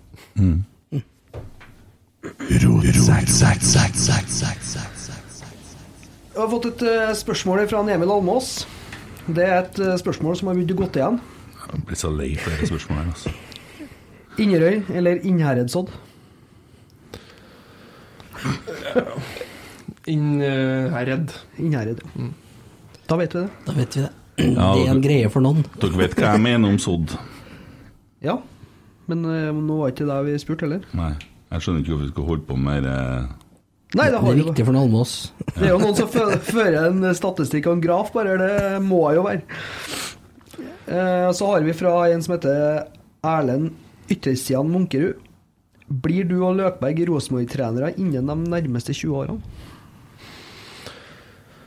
Ja, jeg håper jo det, da. Eh, Men eh, ja, jeg må bare understreke det igjen, eh, at det, det, det er få som får muligheten faktisk til å trene Rosenborg i livet sitt. Så det, det er liksom at det, det, det må ikke bli et nederlag for mitt vedkommende at ikke det skjer heller. For det, det, det nåløyet er trangt, og det er noen tilfeldigheter på veien òg, men jeg håper jo at eh, har, Det er en stor lidenskap, og i hvert fall at om 20 år skal jeg holde på med fotballen da, eh, i et form for trenervirke. og sånt, Men om det å trene Rosenborg med løper, det har vært selvfølgelig en drøm. Men det spørsmålet er jo, det blir jo mye prating, og folk kommer jo ikke til, vet du, for det er jo bare meg og løper som prater. Så.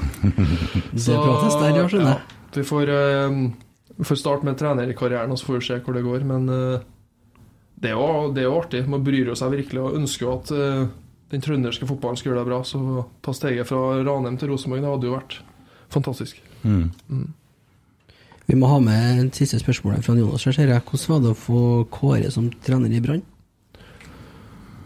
Jo, det var, jeg var ikke, det var ikke så lenge, det, da, men det var, Nei, det var, var det ikke nei. Nei, jeg tror det var en liten måned for mitt vedkommende. Ja, det var ikke lenger, Jeg tror ikke Nei, måned cirka. Så jeg, jeg likte Kåre godt. Jeg det måtte ha vært der lenger for å få et sånt Ja. øh, bredere inntrykk. Men øh, at øh, han kom inn som et friskt pust da, og så tror jeg du Sånn som Rosenborg er jo den største klubben, og Brann er jo kanskje den nest største klubben sånn er av interesse og omfang, og det, det er andre ting enn bare liksom å, å trene fotballag. Du må forholde deg til flere ting, da. Mm. Blant annet dere, så Det er et helvete, det eh, der. Nei, men det, det er jo positivt, eh, det at folk har meninger. Men eh, Kåre eh, har, har ikke noe utsett på han. Men han kom til Brann, du, du var der i en måned, og så sendte han deg til Ranheim.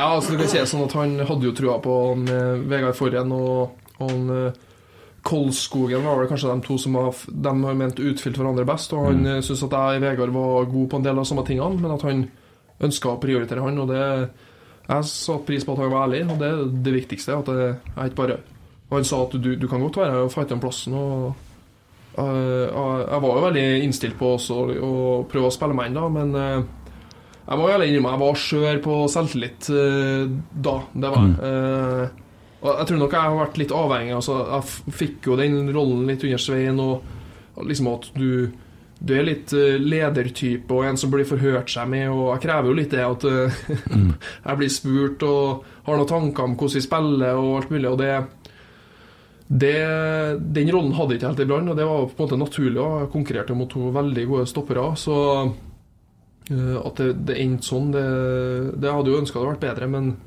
jeg spilte en del kamper. Var jo med i den gullkampen ish med Rosenborg i 2018 òg. Det var fantastiske opplevelser når det, det, det sto på. Men det var eh, det var, det var tungt når du føler at på en verken trenere eller dem rundt har trua. Da, det, da, da krever det en skalle for å virkelig prestere utpå her, og det, det hadde ikke jeg. Nei. Har du kjerring? Jeg har eh, samboer, ja. Ja, ja. Hadde du det når du bodde i Brann òg? Ja. Ja. Mm. Regner med bergenserne angrer seg på at de har beholdt ja, skal ikke, Vi skal ikke snakke om det nachspielet. Nei. Nei, men jeg tenkte å spørre om, jeg spørre om eh, Merka du noe til den kulturen som vi har lest om i avisa, skal du si? Det var- det på matta om natta? Altså, Var det mye utenomsportslig fokus i forhold til det du er vant til, eller hva du krever, eller var det bare det at du hadde lite sjøltillit pga. lite spilletid, eller Det hadde ikke noe med meg å gjøre. Så, altså, det var ikke andre sin feil at jeg i laget som gjort at ikke jeg var prestert på mitt beste. på en måte så, Jeg skjønner, men var det en kultur liksom, der som var annerledes enn det du skulle ønske det skulle være en Og så du, kan si det som at eh, det, som, det, som, det som skuffa meg kanskje mest, det var at jeg følte at spillere som eh, kanskje var trukket frem, som ikke egentlig som representerte det. Det har egentlig ikke noe med alkohol og på en måte det å gjøre, sånn sett, da, men det har mer med eh, Hvis du ikke får bruk for en spiller som Løkberg, på en måte, og at det ikke eh, at ikke han kan representere noe, og være på en måte en du bruker som, som er fremtredende for ditt lag, for måten du vil at laget skal opptre på, måten du vil at laget skal trene på. Da, da føler jeg at du bommer litt. Og det, det kanskje skuffa meg mest at det var det, det var, jeg følte ikke at det var det, dem som man vil skal være kulturbærere, eller vi kaller det mesterlærere i, i Ranheim. Så det, tar jo noe med seg, og det å faktisk få den tittelen. Men da, da må du etterleve det. Og det, det er vel kanskje svaret på litt av det du sikter til. Men, men et Altså, Thomas Grøgaard var en av dem som var med på nachspielet. Altså, han- han er jo den mest seriøse fotballspilleren han har vært med på. Så om du, alle her har nå tatt seg en fest før, men det var noen dumme valg der, var ikke noen tvil om. Eh, og, og noen gjorde noen enda mer dumme valg enn andre. Det, dem skal ikke ha unnskyld, men Nei, det blir jo Altså, det var vel noen som for å hente noen eks-Rosenborg-spillere på Bajasso en gang i tida. Altså, var- Men når du vinner fotballkamper, så kan du på en måte Det var en annen kultur før. Mm. Ja. Det er vel eh, kanskje det som er forskjellen nå, at eh, så lenge du vinner fotballkamper, så lenge du vinner titler, så er det på en måte en smule mer akseptert. Men når du holder på å rykke ned, så er det kanskje ikke det du ønsker at spillerne dine skal bli bretta ut på. det, har, det har skjedd en del ting ganske fort de siste årene, og det er altså metoo og alt det der, og unge veiter, og du har det i Molde, og så har du hatt uh, Forhen, han har jo hatt sine utfordringer, og han har jo vært åpen om det, og så går han på en ny smell der, og så blir det litt sånn Og vi, vi har ikke brukt så mye mer tid på det, men det er klart at uh, Bør, bør Barmen han spiller Eliteserie neste år. Brann de spiller Obos, og de spiller mot Åsane, som en Kåre sitter og styrer, så det har da fått en sånn Ja, det, underlig vri, hele greia. Men eh, Nei, det er jo bare kjipt, men samtidig så tror jeg at eh, det kommer til å bli bare mer og mer eh, Ronaldo-style på folk etter hvert i, i eh, øverste divisjonene i forhold til kosthold og sånn lære og alt, og det er fortsatt lite fokus på, faktisk. Merkverdig lite fokus på. Ja, det eh, Det har blitt mye bedre, det. Altså, sånn, sånn Du leser liksom at uh, Sala og Mané de, de drikker ikke og er liksom klar etter det Afrikamesterskapet og er med, Salah er med tropp bare noen dager eller hvor lenge det var etterpå. Måte, så Det, det vitner om en profesjonalitet. Men jeg skal også understreke at det, er det noe som er lagbyggende og, og, og skape en, eh, en dynamikk mellom spillere på en annen måte, så er det faktisk å ta seg en fest sammen, og det står jeg virkelig for. Og det, Så kan de sikkert noen andre eh, komme jo, men, men, men det gjør ikke det når det, det er kamp eh, søndag, onsdag og søndag. Men at det er visse anledninger for å gjøre det, det, det mener jeg. Og Jo, jo, det, og det, det forstår jeg. Det, det sto jo morfar for òg, for å si det sånn. Det, var, var noe, det har vi hørt mange historier om uh, visakortet med taxisjåføren og alt det der. Men uh, ikke fullt så lagbegynnende å ta med seg russ på indre bane om natta. Kanskje ikke, men uh, vi skjønner, skjønner hva du mener, ja. Men eh, nei, for at jeg reagerte på Jeg hørte en Bernt, Hulsker fortelle i en podkast hva han åt for noe etter kamp og sånn. Det er jo pizza og kebab og bare sånn mel og drit som man bruker lang tid på foten og kroppen etterpå. Det er jo mye sånn junkfood, og vi satt her og snakka med Olav som smågodt og greier. Jeg, jeg tror ikke Ronaldo gjør det. Ja, han gjør ikke det. You Eh, only need water, son. Jeg tror eh, det i, Ute i Europa så er det de er nøye på det. Altså, ut, altså Når du skal presse på det høyeste nivå, så er de nøye på det. Men eh, jeg så det Martin Jonsrud Sundby og det er serien sin at han drev og proppa i seg. Så det, eh, at du spiser godteri eh, når du forbrenner så mye kalorier, det, det har jo litt med hvordan du er bygd òg. Altså, jeg har spilt med Gilbert Comson, som eh, kunne gå og ta seg en cowboystrekk og gå rett ut på banen og skyte. Og det var, altså, hele kroppen hans er som en, som en atlet. Mens jeg måtte ligge og rulle og tøye og få i gang dette skroget. Liksom, så det er jo forskjellig litt hvordan måten han er bygd på. Han hadde sixpack uansett hva han spiste, så Eh, og så er det litt sånn i fotball og, og, de, og sånn sånn lagidretter som er sånn sammensatt av ferdigheter, så er det jo eh, du, du, du må ikke være aller best på kost... Altså, du må være flink på kosthold, men, men liksom at du tar deg en brus eller en, eh, noe smågodt i ny og ne, det er vel ikke der, der det står på. Eh, Sier Ronaldo at det er ja, han gjør det. Eh, Kanskje hvis du skal antagelig bli verdens beste fotballspiller òg, men eh, det, dit, dit kom jeg aldri. Nei. Hvem sin tur var det? Jeg tenkte at jeg skal flette inn litt spørsmål fra snappen underveis. Er det greit, det? For vi har fått inn noen der òg, Det er åpning for det nå. Ja. Eh, Hvor burde RBK se etter en spiss som kan skåre mål, og hva i all verden skulle Christian Eriksen gjøre i RBK? Hente vann? spør han eh, Frode Aune Sunde. hva du tenker om han HamKam-spilleren som ble linka til Rosenborg i går? Eh, Jeg har jo spilt mot han, han eh, var jo veldig god i Obos-ligaen. Og så Jeg syns det er litt vanskelig å sitte og Han kan, han kan godt funke han er så i Rosenborg, tror jeg. Altså, han er, jo en, en, i hvert fall en eh, Duracell-kanin av en eh, spiller som, som jager på alt og, og, og er veldig arbeidsom og på en måte har det trøkket i spillet sitt. Så, men så er jo kanskje Rosenborg må ha fokus på å få det beste ut av dem som er der, da. For det, det er jo det viktigste. Det, det har jo ikke man vært god nok på. Det, det, er en, det var vel Løkberg kanskje som sa det i Rasmus og Saga-podkasten, at du, du må jo få ut det beste av dem du har. Og de har noen kvaliteter som du må sette sammen med andre. Um, og, og, og der har jo ikke Rosenborg vært god nok i det siste. Uh, og det, det er like så viktig. Det er jo kanskje det er ofte at man, man driver og maser eller ønsker at vi må ha inn et eller annet. Det kan alltid stemme at du må heve kvaliteten på, på laget, eller at du må endre dynamikken litt. Men, men Rosenborg har jo mer enn gode nok spillere for å heve seg i toppen av norsk fotball. Det, det er jo ikke noe tvil om. Så få det beste ut av dem som er her. Det er jo et kjedelig svar, da, men det er jo det, er jo det som er riktig. Mm. Jo, jo, det hører jeg på deg. Ja. Nå skal, nå skal Emil stille spørsmål, så da blir det litt sånn andektig her. Vi har jo du, det, det, pra, det prates jo, Det, Er du, så vi? Nei, men vi Så det koser seg. Han svarer på sju spørsmål i slengen, vet du. Så det, Det er bra, det. ja, eh, det går til Morten Røvik, gjør vi da. Eh, Hva syns du om at Gjermund og Pål heller eh, velger å spille i LSK enn i Ranheim, se bort fra divisjonsforskjellen? Og har du villet hatt dem i stallen og gått for opprykk i år? Ja, det siste er jo utvilsomt. Ja. Eh, nå, nå har jo Altså, Hvorfor de velger Lillestrøm, er jo for at det er på et annet nivå. og sånn, altså, En ting er jo lønnsmessig, også, men at du, der er det jo en full, fulltidsprofesjonell klubb. Og så, og så blir kanskje Hadde Ranheim vært i Eliteserien, eh, så hadde kanskje ikke det spilt akkurat inn, men når du er en alder sånn som som Gjermund og Pål er, så ønsker man jo på en måte å utnytte det, det siste man har i, i karrieren òg. Så de kan jo holde på lenger, dem, men, eh, men eh, man tenker over sånne ting òg.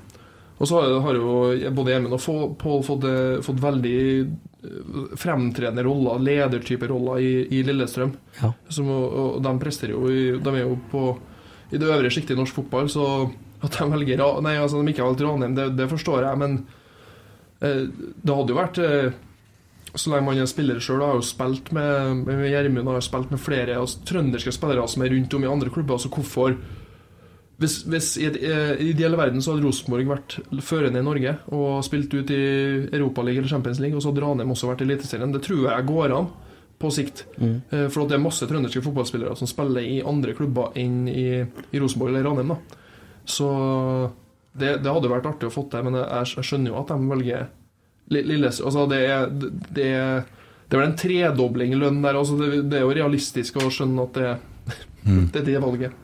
Men at de har heva nivået i Ranheim, det, det er ikke noe tvil om. Hvis du hadde vært Gjermund Aasen, hadde du tatt håret snart?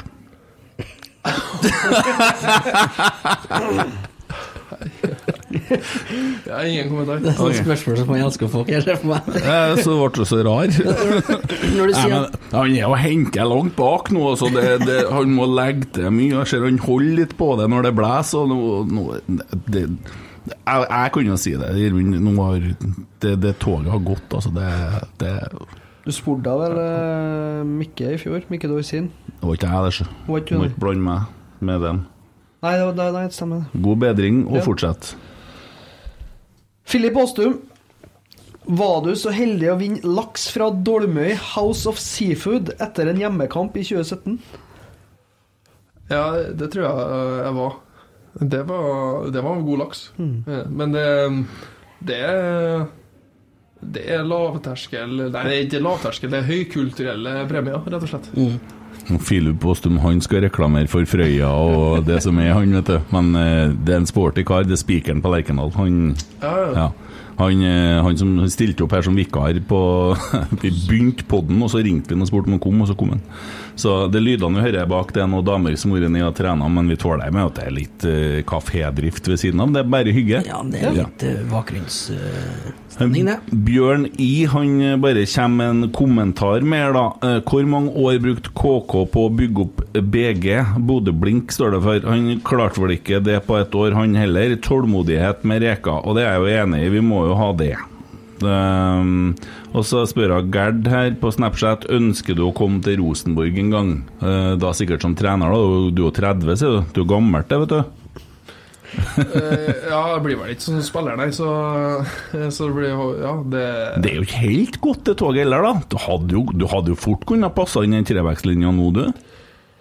Det, altså, det så jo sånn ut på fredag, men Men uh, Det stemmer, stemmer bra, det. Rosenborg får se De har eh, får se etter yngre, mer talentfulle spillere enn det. Så jeg har eh, Jeg har kommet sent, jeg. Vi skulle ha vært her litt tidligere, så kanskje det har vært muligheter. Men, eh, men eh, senere i en annen rolle, det håper jeg. Det bryr oss om Rosenborg. Mm. Ja, det Navnet ditt forplikter vel litt òg, på en måte. Hvordan har det vært i forhold til å skal være ung spiller, og så være barnebarnet til Nils Arne? Blir ikke det litt ekstra forventninger til deg, da? Jo, eh, men ikke fra, ikke fra de nærmeste. Det har det aldri ja. vært. Nei, men fra Eh, omgivelsene, mener Ja, det er litt sånn, det er alltid noen sammenligninger og um, Det kunne være noe sånn, sånn småstikk om man liksom sånn Ja, hvorfor er ikke du der når du er det og det? Men det, det vil jeg sette eller tydeliggjøre at eh, jeg har ikke fått noen fordeler av det eh, på noen måte. Eh, om det stemmer eller ikke, vet jeg, men eh, det var nå en ganger da jeg var 15-16 år og liksom så, så skal han Kristian til Rosenborg, så var jeg morfar sa han, han er i Ranheim, han. Det, det, det, det er bra nok. For, for jeg, var, jeg var ikke god nok da eh, til å liksom være med eh, i Men det var jo kanskje akkurat sånn litt under. Jeg var litt sent utvikla, og det, det, spiller jo litt inn det der, men eh, Men eh, ja. Hvor var vi igjen? Herregud, jeg prater med Jo, det var i forhold til forventningene til omgivelsene med navnet ditt. ja, mm. det har, det har nok Andre har jo påpekt det litt, men jeg har aldri følt noe tenkt så mye over det, egentlig ikke. Så det er eh, Det bryter jeg meg nå om. Nei. Emil Almås skri, skriver 'snakk om Malvik'. Nei, sier jeg. Jeg er så glad i Malvik og sådd. Malvik og Sodd. Ja. Eh, Morten Røvik igjen. Eh, har du trua på Rosenborg i år? Og når får vi se Ranheim tilbake i Eliteserien, tror du? Jeg har, eh, jeg har trua på Rosenborg, men, eh, men hva er trua? da? Det, er jo, det spørsmålet er litt hvor man legger lista nå, eh, tenker jeg. Eh, Jeg har ikke, jeg har ikke Av det jeg har sett, da, og så, på en måte, så har jeg ikke trua på at man tar Bodø-Glimt, eh, eller kanskje Molde.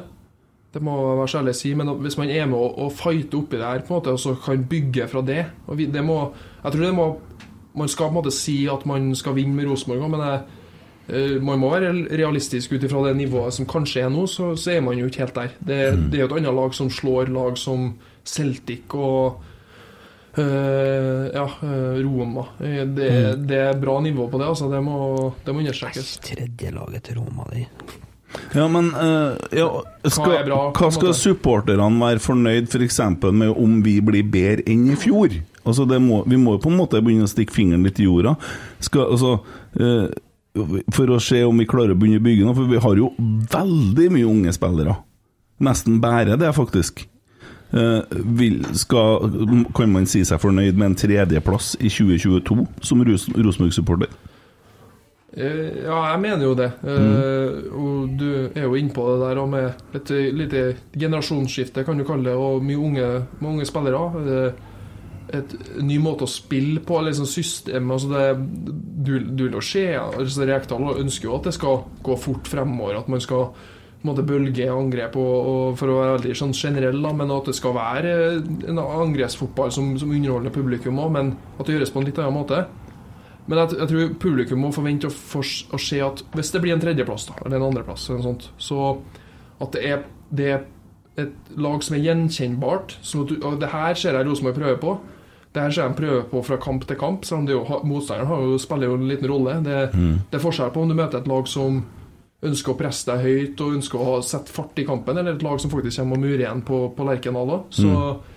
eh, men, men kanskje det som var mest skuffende fra i fjor, da, med, med Åge sitt Rosenborg, at jeg, følte, jeg, jeg klarer ikke å se helt hva de prøver på. Eh, og det, det håper jeg at det må være en, en form for gjenkjennbarhet. Da. Eh, Det er en fotball som jeg har trua på. Det, det er mange måter å gjøre det på, men at det, vi er mest opptatt av det vi skal gjøre sjøl, og det vi skal få til sjøl.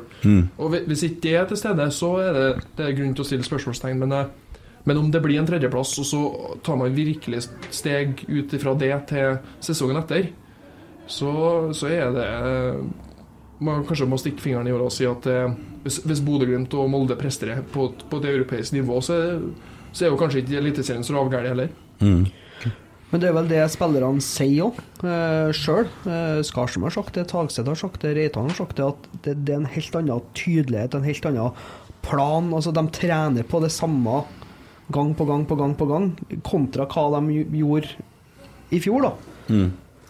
For det har de jo sagt i flere podder. De har sagt Ja, ja. det her, de har sagt det til Rasmus. Ja. Eh, Men på fredagen, hva som var kampplanen deres da? Når dere skulle møte Rosenborg? Nei, eh, kampplanen vår var at vi, vi skulle presse så høyt som, så ofte som mulig. Eh, altså detaljene i måten vi løser Altså, De er jo tre backs bak, da, så vi, vi spiller på en måte med tre smale frem. Eh, Og så skal på en måte våre backer gå opp i deres wingbacker eh, når ballen går ut bredt. For da snakker vi ofte om at vi ønsker å dele banen. Det vil si at eh, Rosenborg da spill, har ballen på f.eks. med en Reitan på høyresida. Det vil si at vi kan skyve med laget, sånn at det som skjer motsatt, er ikke så farlig, for han vil ikke nå direkte dit.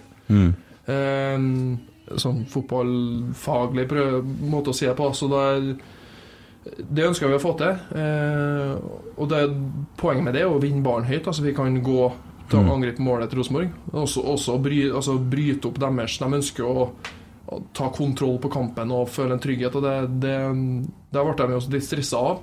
Jeg har aldri sett dem gjøre så mye personlige feil som jeg så den første gangen. Jeg har aldri sett. Nei øh, øh, ja, det, de, var, de var veldig upresise, og eh, det var ikke bare for at altså, Hvis Rosenborg er bedre også, så vil, vil på en måte vi De er jo et bedre fotballag, altså, har i hvert fall bedre spillere. Øh, sånn i utgangspunktet, da. Så de, de, var, de var nok eh, for upresise, og så det var ikke bare vår fortjeneste. Men jeg følte at vi vi var gode på det vi ønska å være gode på. Og så, så har vi jo en keeper som er Eller vi har to gode keepere, men han, han som sto i første gangen, er jo veldig god med beina. Så det tror jeg overraska Rosenborg litt med at de skulle ta oss høyt. Men så har vi en keeper som gjør at Ok, dere må sende opp veldig mange spillere. Det var en masse situasjoner der de sto tre mot tre. Altså deres tre stoppere mot våre tre angripere, hvis du tar med våre kanter som blir spissa. Mm. og måten de pressa på, gjorde at vi kunne flytte på dem. Sånn at uh, du hadde situasjoner der vi spilte rett opp på en tønne som kunne bare snu i midten. Mm. For at de var usikre skal jeg bli med en hele veien nå. Nettopp for at hvis de blir med en hele veien, så kan vi slå mot en Menert, da, som er veldig rask, eh, i bakrom. Som blir en, måten f.eks. en Henriksen. Uh, nå ble det jo litt detaljert her, da, men uh, det var ikke sånn at vi hadde gått gjennom alle de situasjonene. men måten vi spiller på, gjør at vi, vi skal bli gode til å vurdere de situasjonene, og forhåpentligvis blir vi jo bedre på det. Uh, og jeg følte i hvert fall at i den første omgangen så hadde vi jo full kontroll. Og, og i andre gangen så var Rosenborg bedre og burde ha skåra, men det var en periode i midten der der vi, eh, vi gjorde en del bytter vi, som gjorde at vi, vi var kanskje ikke like gode i presset, men vi var minst like gode til å spille gjennom Rosenborg. Og det var en periode der vi hadde, hadde ballen bak og lokka dem frem og spilte gjennom dem hver gang, nesten. Da tror jeg de følte seg eh, Da ble de utrygge. Det var ingen, det var, det var i hvert fall ikke noe bekreftelse på, på det man ønska å få til. Så kampplanen eh, var jo på en måte å presse ta dem høyt, men også ha stor grad av eget spill. Og da, da, må du, da må du spille på risiko, og det, det gjorde vi. Og og, og lyktes med det. Ja. Jeg var jo på Ranheim en del i fjor, øh, som han vi snakka med på telefonen i stad, som plaga samboeren sin her, øh, Brynjar. Øh, Så jeg så jo en del kamper, og det ser jo utrolig mye bedre ut for Ranheim nå enn hva det gjorde i høst. da, i forhold til det jeg, Nå har jeg sett bare fredag, da, men øh, det ser ut som det har tatt noen steg siden høsten. Ja, vi, eh, vi fikk jo i hvert fall mye av det vi ønsker å få til i den kampen mot Rosenborg. Også. Vi skal forhåpentligvis bli bedre. Men det vi ønsker å representere et, som er annerledes for oss som har spilt i Ranheim en stund, er at det er større grad av høyere press. Altså mellomhøyt og høyere press. Mm. Men det er, en, eh, det er en tanke bak det høye presset at du ønsker å få motstanderen til, til å spille inn i visse områder, eller til å spille til ei side som gjør at vi kan presse dem der, eller tvinge dem til å slå en lang ball som vi har kontroll på. Så eh, der syns jeg han eh, Hugo er veldig flink. Eh, og så må vi på en måte forene med det som har vært bra til oss før, og, og også det som passer det, altså Jeg er ikke verdens raskeste midtstopper, så, så vi må sette hverandre i situasjoner vi er gode i. Men mest mulig så handler det om at laget agerer offensivt og defensivt likt. da For mm. da, da er det faktisk enkelt å spille midtstopper. Uh, Men når du bommer i de situasjonene her, så blir du så, mer sårbar uh, for at det er større rom å dekke. da Så det er, en, det er en offensiv måte å tenke på, men jeg, jeg tror det, er sånn, hvis, Rosenborg på en måte legger seg 5-4-1 for ofte på Lerkendal og, og venter på motstanderen, da eh, Det kan ikke være for lenge perioder, for da tror jeg publikum blir lei. Eller jeg tror ikke engang. Det så ut som kampplanen funka veldig bra, da. Nei, for, ja, for kampplanen var jo det eh, første omgangen, for jeg satt jo attmed Jørgen Stenseth eh, første omgangen. Og uh, ideen til Rosenborg var å ligge lavt, Uh, og trene på å ligge lavt når dere hadde ballen. Og det fungerte jo ikke i hele tatt. Men det som, var, som forbauset meg, var det toene på midtbanen. For at vi har to stillestående midtbaner som gjorde masse feil, og jeg kan ikke se for meg at Jensen skal spille midtbane. Det kan ikke jeg fatte og begripe. Man må jo ha en propell i nærheten av en. ble jo et helt annet momentum med en gang han kom opp på um, venstre kant, Ja. når han ble flytta dit. Så det er jo helt tydelig at han passer det bedre inn. Og, og det å få en mer eh, flyttbar eh, sentral på sida av Børkeie, tror jeg òg er Det er nesten alfa og omega. Ja, Vi er nødt til å ha en gærning der, og, vi, og jeg tror nok at Jensen er henta som en uh, liten substitutt for en Vekkia, fordi at en Vekkia er skjør. Det, det er garantert at det er det som er Ja. Mm. Yes, vi, vi flyter mye av gårde her, men eh, hyggelig er det. Kim Ruud Pedersen. Oi! Alle vet din bestefar var veldig historieinteressert, og særlig stedsnavn og dets opprinnelse spurte han ofte om. Så her kjører vi. Hvilken rismark er du fra, og hvor? Herregud. Er det mange rismarker, liksom? ute her? Det, I Kina er det veldig mye Ja, det er det- er en spøk?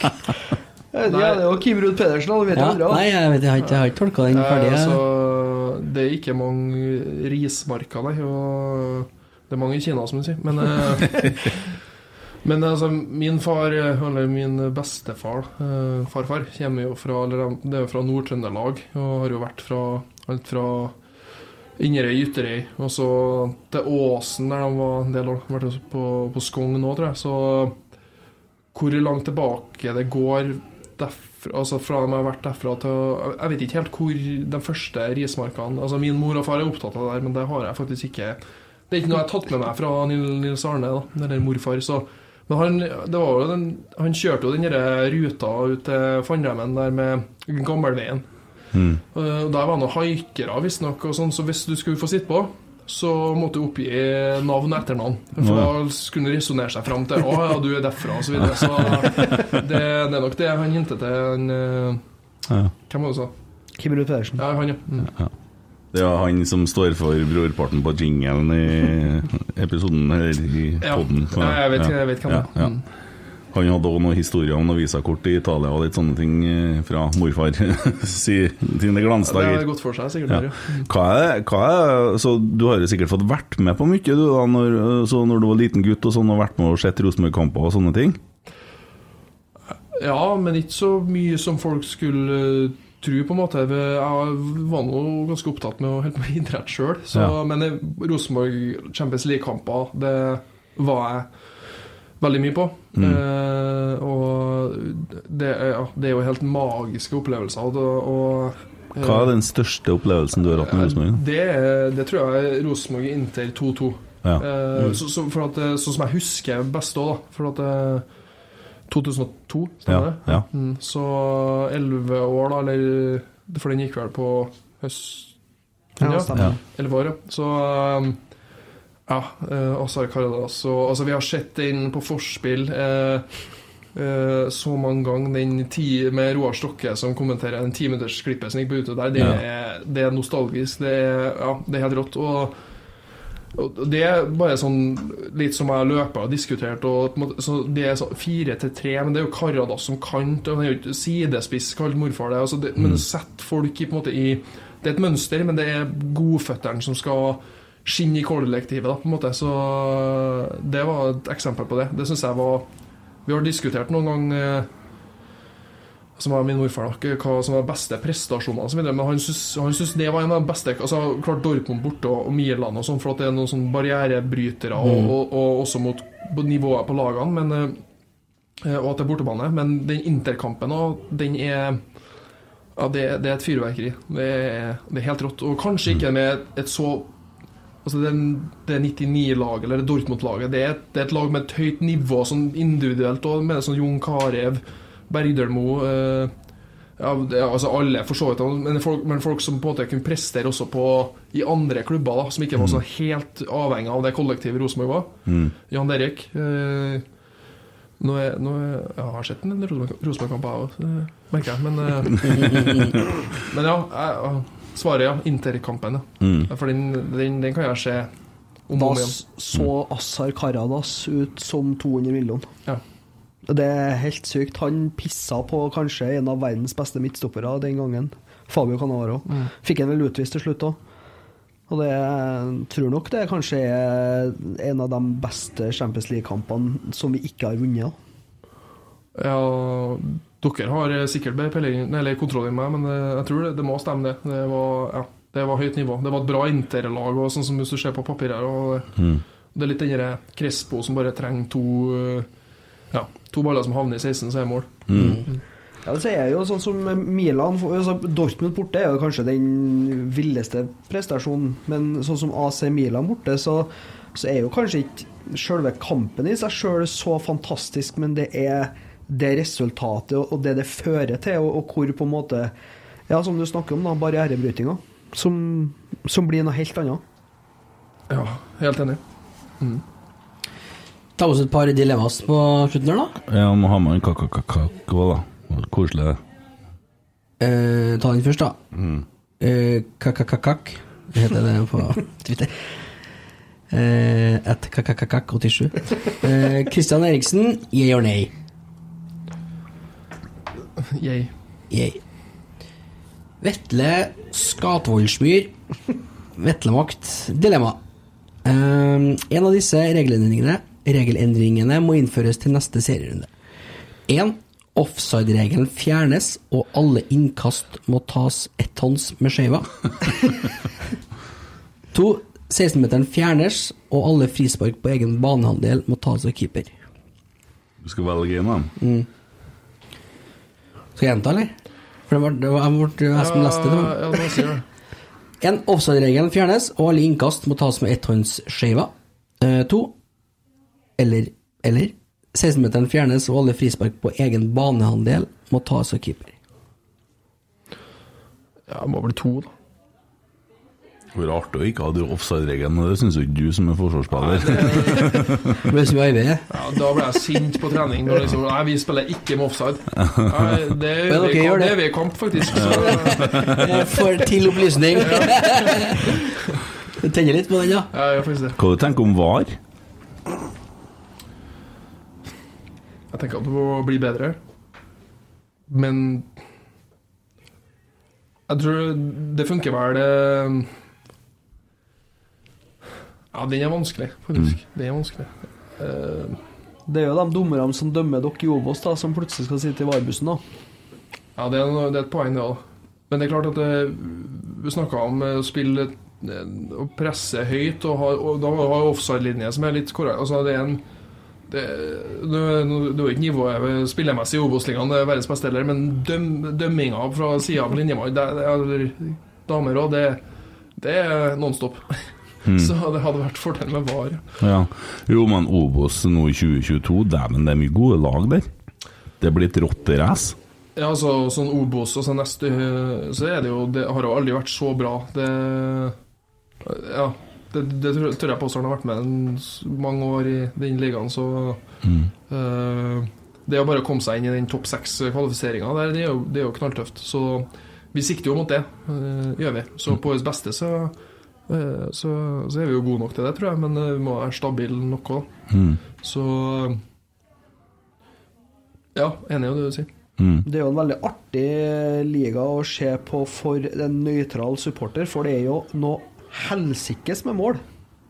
Jeg tror eh, eh, Ja, de har laga et bra produkt på det, syns jeg, med dere, det som var på mandag. Altså, jeg vet jo at Det var kanskje ikke alle de som kikker på kampene, som er fornøyd med det, da. Eh, Men, men det produktet de laga på TV-en, med Joakim Jønsson og, og gjengen der, eh, det er et bra produkt for, det, for den ligaen. Og det, eh, Eh, og så tror jeg den regelendringa med at det ikke, var fi, det er ikke fire lag som rykker direkte ned, har gjort det at eh, eh, For at Før så var det litt sånn at du enten var du i kvalik, eller så var det nedrykksstrid. Det, det var litt sånn i fjor at det var, det var lite som skilte der, men før så var det eh, du, du, du visste ikke to, altså, Du kunne havne opp i kvalik, som gjør at du kan rykke opp, men så kan du også rykke ned. Det, eh, og det gjorde noe med måte, dynamikken. Altså Mange lag ble så redde. Og det gjør noe med risikoen og, og måten du ønsker å angripe mm. altså Obos-ligaen var en kjøttliga før, Eh, men nå er det mange flere lag som Du har Grorud, som spiller måten vi spiller på, den, den kjører vi på. Du har Åsane du har, altså det, det tror jeg er bra for spill, spillerutviklinga. Eh, og Det betyr ikke at du, alle lagene skal spille likt, og du kan være direkte og du kan spille i lufta, og alt mulig, altså variere med det, men at det, det er mange unge spillere som blir plukka opp nå og, og er attraktive da, fra den ligaen. Og Det tror jeg er bra for norsk fotball. Eh, Det er det er absolutt eh, Det er jo mange spillere som, som er gode i den ligaen, som, som kan gå rett opp og prestere på, på et høyt nivå i Eliteserien. Mm. Så eh, den regelendringa tror jeg gjorde, den gjorde mye for norsk fotball. Og den andre divisjonen, for, å- for å snakke om den òg, så er det ganske høyt nivå på altså Det er noe, noe som er relativt her, da, men eh, på du, du, du kunne møte Fredrikstad der før, du kan møte Egersund osv. Det, det er et bra nivå på, på den, den ligaen òg. Eller det er jo to divisjoner her. Så Ja. ja. Hva syns du om NFFs håndtering av Ålesund-Bodø-Glimt, da? Ja, min, eh, min gamle trener Lars Arne var ikke fornøyd med det. Eh, Jeg syns det er det- er kålete å ikke få til At det, det er liksom ikke noe kompromiss på noen ting. Jeg, jeg skjønner ikke helt uh, eh, det, det er jo flere sider av den saken antagelig, men at liksom ikke klarer å møte noen på halvveien, at det ikke blir kamp, det, syns jeg er spesielt. Og jeg er på en måte for det at du skal legge til rette for dem som er i Europa, for det gagner jo Rosenborg òg. Forhåpentligvis. Og så, og så, men så liksom kjører man bare over Ålesund, har litt inntrykk av. Det, Ja, for kampen ble jo flytta fram, og de var helt over Det får ikke vi til, for vi har altså, Har du hatt korona, forresten? Jeg har hatt det, ja. Ja. Hvordan var tida etterpå å begynne å springe og sånn? Nei, vi, altså, vi, vi var litt skeptiske. eh, Altså, jeg kjente det. Har- Det har sittet litt. grann. Ja. Eh, Og den første uka der eh, Jeg tror vi spilte, vi spilte den treningskampen mot Stjørdals-Blink. Mm. Eh, og, og jeg slettet litt med hodepine og litt, du, du, litt sånn hoste og tett i brystet og sittet lenge, så det er forståelig at du liksom ikke kan kjøre på med en kamp når det er som jeg har forstått det, halve laget er slått ut av korona. Mm. Nå så jeg for så vidt at de, skulle spille, de spilte en treningskamp i dag mot Molde, uten det? Om det rakna vel etter eh, De spilte jo tre ganger 30, Ja. og det rakna vel i andre gangen. Da begynte det å røyne på. Ja, men en, en form for dialog og en eh, Det var da kanskje noe snakk om noe åpenhet og, og ja, Det var faktisk noe annet det har jeg lyst til å ta opp her. Det må jeg få lov til å gjøre. Mm. Jo, jo. Siden jeg er hjemme.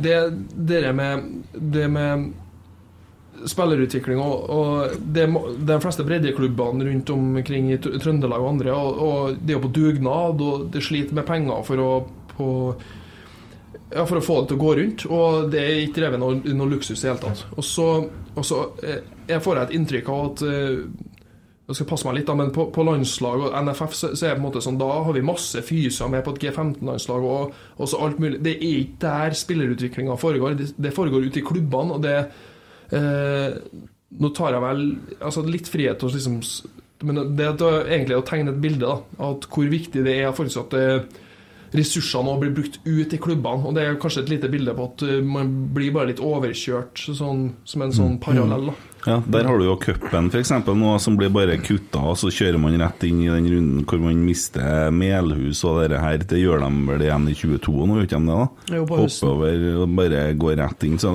Breddeklubbene får jo ikke en skit her. Det er jo kamper som kanskje trekker 3000-4000 for noen lag. da. Det er mye penger, da. Ja. Jeg- Altså, det, det er jo noen vurderinger som gjøres til grunn, så jeg, jeg forstår det. Men det, var, det, det er et poeng da, at eh, hvis man sitter i, på kontorene og tenker at eh, at uh, bare vi, vi gjør det bra nok på toppen, så liksom blir det så mye spillere som utvikles i, no i Norge. Det, er- det ikke sånn det fungerer. Det er ute i klubbene. for Du har ikke mange samlingsdøgn på U-landslag osv.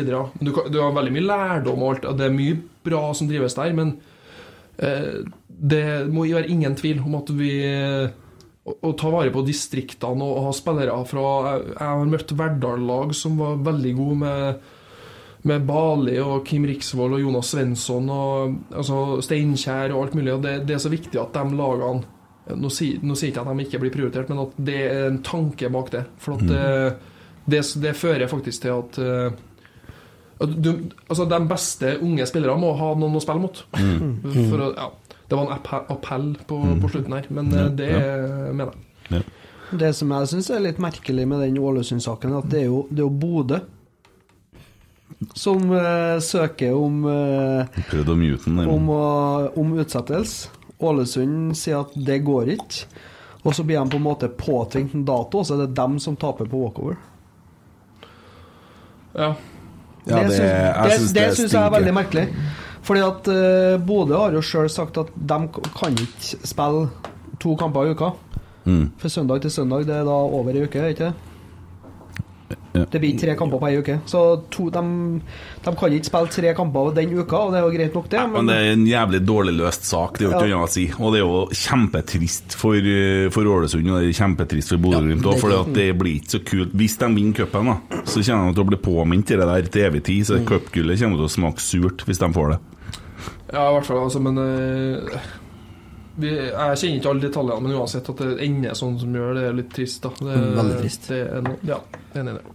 Veldig trist. Hvordan har du villet satt opp laget mot Bodø-Glimt hvis du hadde vært Rosenborg-trener i eh, starten på april? da?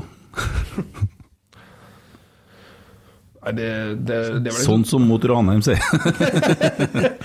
Sånn som mot Ranheim med et bedre spill, ja. Eh, Nei, de, de er vel ikke langt unna en, en ish elver der som, som, som starta mot oss og sa uh,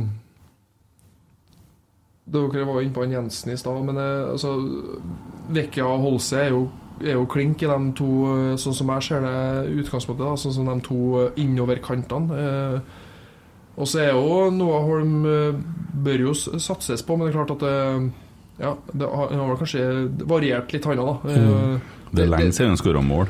Ja, det. Men, men du må på en måte det, handler, Han får ikke helt brukt seg sjøl, så jeg, jeg ville ha sett på det. På, det. Det gjør de noe. Så Mm. Reitan og, og Pereira er vel sikkert de, de har brukt mye. Så det er vel, og så Børke ja, skal vel sikkert spille.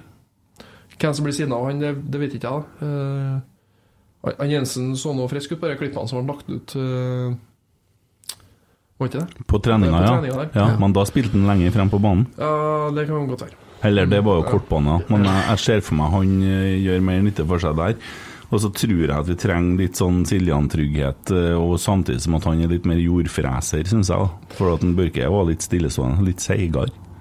De, de utfyller vel kanskje hverandre fint, dem, ja. Og det, det er vel ikke noe tvil om det, det er når du spiller med to altså Hvis, hvis wingbackene er veldig offensive, så, så må de, de må flytte seg og dekke rom, de, som, de to på midten der. Så, Og at det, det er en dynamisk duo, da. For at det, sånn som jeg ser det Det ble litt fotballprat igjen, da, men eh, Jo, jeg liker det. det det. Men at når du spiller tre, med trebackslinje, så, så vil du ha med wingbackene i avslutninga. Når de trer fram, så vil du ha med wingbackene, men så for å ikke Hvis du ser Bodø-Glimt, da, eh, så, så er de mange i avslutningsposisjon når de f- kommer med laget rundt på sida, eller de er i avslutningsøyeblikkene. da, Og da må du ha med en av sentralene og, en av, og antagelig en av ytterstopperne.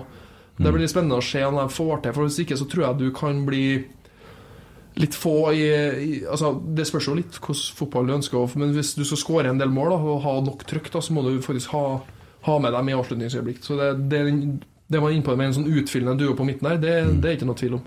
Og, um, og også en, ytterst, altså en ytterstopper som kan være med også som en gjenvinner, men også som en som bidrar framover. Det tror jeg er viktig. Henriksen ser lovende ut som midtstopper, da.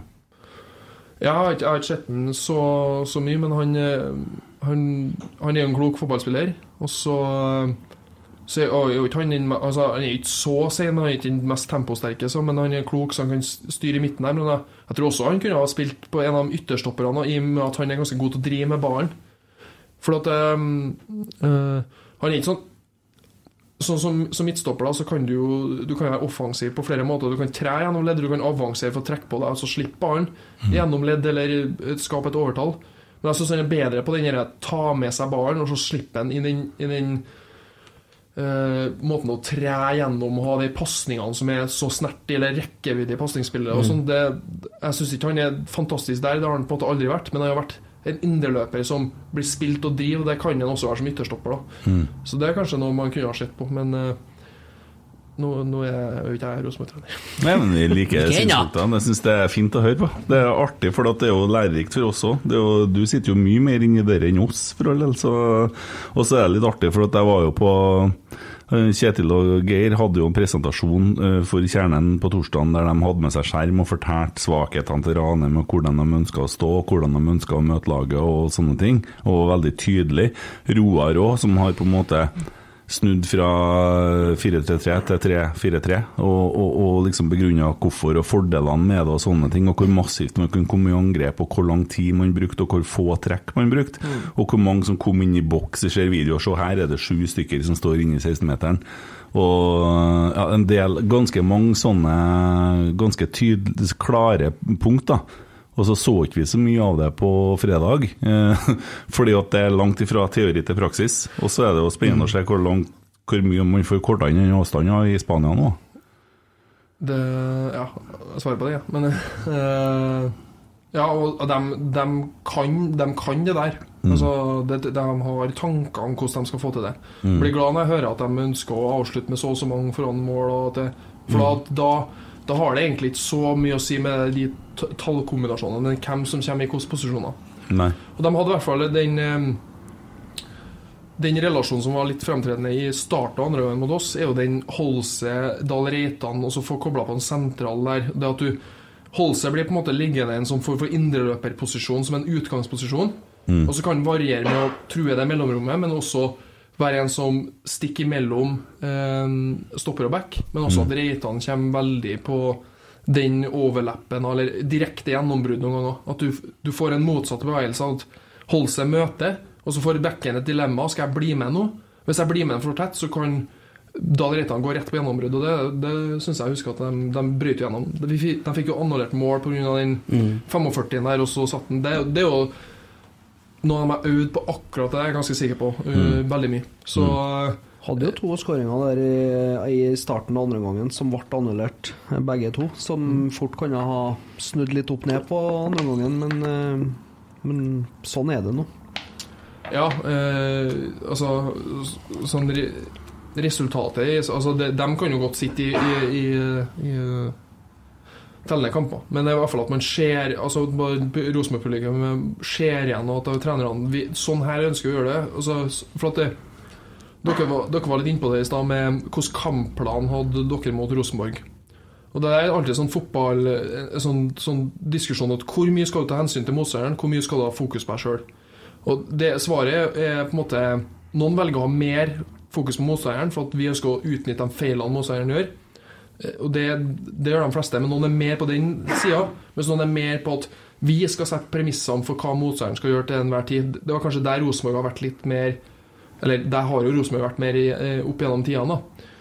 Og så Men så er, så er det Når vi, vi ønsker å få til ting Han holder på å råtne på innsida, han der alkisen.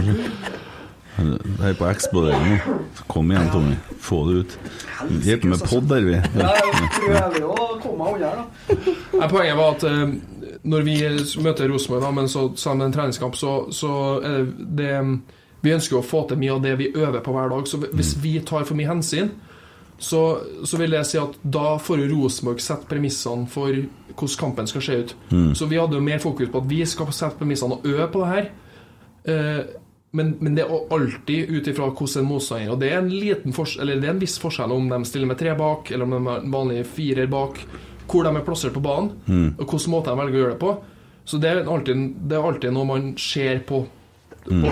en, to dager til dagen før kamp. Jo, jo, men du vet jo når du møter en spiss at han har den og den kvaliteten, og han er sånn. Det har du sikkert fått I hvert fall vet jeg Kjetil, han, han har en sånn Herregud, Tommy.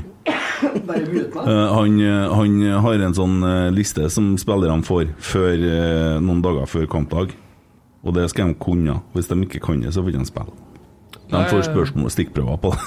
Ja.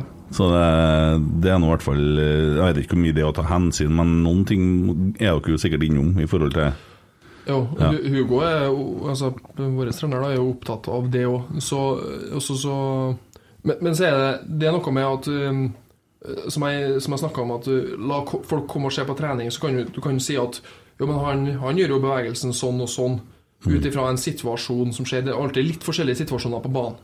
Men, men poenget er at du, du gjør det samtidig, men, men det er derfor snakk, snakk om motsatte bevegelser. Og at når vi, hvis jeg, jeg spiller meny sammen med f.eks. Reginussen eller Tønne eller han midtstoppermakkeren jeg har, om det er Kvande eller han Langås som spilte sist også, så, så er vi så kjent med hverandre. Så når jeg skal ta en vurdering ute på banen, så er vi akkurat i forkant av det mots... Altså, vi, det er mikrodetaljene, som at jeg ser på en Tønne når han starter, eller en Mats når han beveger seg dit, så er det de mikrodetaljene der i måten folk ut ifra det motspillet som er, som gjør at vi har en liten fordel. Og det er kanskje den, den forskjellen i at vi ønsker å sette på mest premissene for det vi gjør, og ikke det motstanderen gjør. Men det er alltid en, en, en god dose av begge deler. da. Eh, Så det, det var kanskje litt av den tanken om at ja, la folk komme og se på trening, men vi øver så mye sammen at det er den samtidigheten at vi truer forskjellige rom, og at vi vurderer best at, nettopp at vi straffer motstanderen. Som Nils eller Rosenborgs eh, som har vært. da Og Jeg har jo trua på den tanken at mest fokus på deg sjøl, det vi kan gjøre noe med, men alltid innenfor en ramme og at det er en motstander her som har visse kvaliteter. Altså Hvis motstanderen er for eksempel veldig god på kontringer imot, eller veldig god på dødball, så er det jo, det er jo dumt å gi dem haugvis av kontringer imot. Men det kan ikke gå på akkord med at er det rom inn sentralt, så spiller jeg inn sentralt. Jeg har hatt trenere som sier sånn ja, vi, vi spiller ikke i midten. Ja, men Vi spiller ikke gjennom midten. Ja, men Hvis rommene er der, eller vi spiller ikke på sidene Ja, men Hvis rommene er der, så må vi jo spille der. Nå ble jeg jo litt engasjert her, men ja, Ble Blir du forbanna? ja, men da, da, da legger du jo alle premissene på at motstanderen kan bestemme hva vi skal gjøre, men vi bestemmer på en måte. Og så er en, en alltid en grad av uh, av en motstander i bildet. Men mm. det, det er i hvert fall det bildet jeg prøver å ja. Ja, men Ser du noen svakheter med Bodø? da? Ser du noe du har kommet til å tatt Bodø på, hvis du skulle ha vært trener til Rosenborg nå og skal møte dem i første seriekamp? Det, det er jo alltid det. det er alt De velger å prioritere noe, og ja. Eh, så Nå er jeg kanskje ikke Rosenborg men altså for, eksempel, for eksempel som banale ting som dødball er jo ikke Bodø-Glimt ikke fantastisk på det, så det er jo noe å utnytte. Det er jo ikke noe, det er ikke noe destruktivt å si det, men hvis det er hele planen din å utnytte dem på dødball, så, så, så er ikke jeg veldig Rosenborgs. Men eh, Men det hadde stått et stikkord i boka di om dødball. Det, det vil jeg tro at jeg hadde gjort. Mm. Så, eh, så er, også, også med at eh, jeg, jeg ville ha- gått ut og prøvd å skape trøbbel for dem og hindre at de får sitt eget spill. Men det, det blir jo detaljer i måten du løser på. Men jeg har lite trua på at du skal liksom bare mure igjen og så ta med noe derfra. Sånn. Mm. Jeg har lite trua på at det, det skaper noe utvikling over tid òg. Men kanskje isolert i en kamp, så går det sikkert an. Men eh, vær deg sjøl mest mulig. Sånn som Ålesund møtte Rosenborg en del år på Lerkendal. Det var jo Det var jo elleve mann i mur eller bak ballen hele tida. Så var jeg klarer de å få et knølmål i 93. minutt, og så Ja, det, det der det skjer jo alltid. Altså, det, det er jo litt av sjarmen med fotball at det ikke er nødvendigvis det beste laget som vinner. eh, Altså, som, som, du trenger én sjanse for å skåre, og motstanderen kan trenge ti. Da. Så det er noe alltid Men sånn over tid så har jeg jo trua på at du må ha mest mulig fokus på det. Og, og jeg mener jo at Rosenborg har lag til det òg. Men det er klart at du, du, må, du må ta visse hensyn når du drar opp til, til Bodø, antagelig til en viss grad. Men, men hvis det er å gjøre noe totalt annet enn det du øver på hver dag, så mener jeg at det er feil. Mm. Det tror jeg nok ikke de kommer til å gjøre, da. Så dæven, nå har vi snakka lenge. eh, Og Tommy han har ikke snakka som om Ganning funker. Hosta lenge, da. Ja, men det ganning funker, sier Ja, jeg. det Ja, det. er akkurat som jeg har drømt om. At han ikke skulle ha evnen til å prate. Ganna han før du kom, eller? Jeg ganna ned hele dag. Ja. Ja. men det funker. Så det er godt. Hva syns du var det beste spørsmålet jeg har fått innsendt? Klarer du å ta det? Å, nå er du god. Det er sånne ting bruker vi å glemme av, vi. Ja. Steike, da. Herregud. Hjelp meg, da. Kan jo du fortelle litt imens, Emil? Jeg, kan jo, jeg, jeg har en ting jeg skulle minne på, forresten. Mens Tommy eh, Hoste. Hvis du slutter å hoste snart, så hiver jeg ut gjennom vinduet uten å åpne først. Uh, Nea Radio, Et liv i sort og hvitt. Konkurransen. Um, hyggelig om folk går inn og stemmer der. Det ser ganske bra ut, men det er en som er ganske hissig på grauten, så det er hyggelig om folk orker å gå inn og stemme. Han som ligger i ryggen din der. Ja. Ja. Men det, Så- det har noen hundre stemmer på han, da. Ja. Ser deg dabba litt da på eh, Spotify-kjøret på sangen, men eh, øker ikke så mye som du gjorde til å begynne med. Det er naturlig. Ja, det, det, det vil jeg si. Men, eh, Men hvordan er det med radio?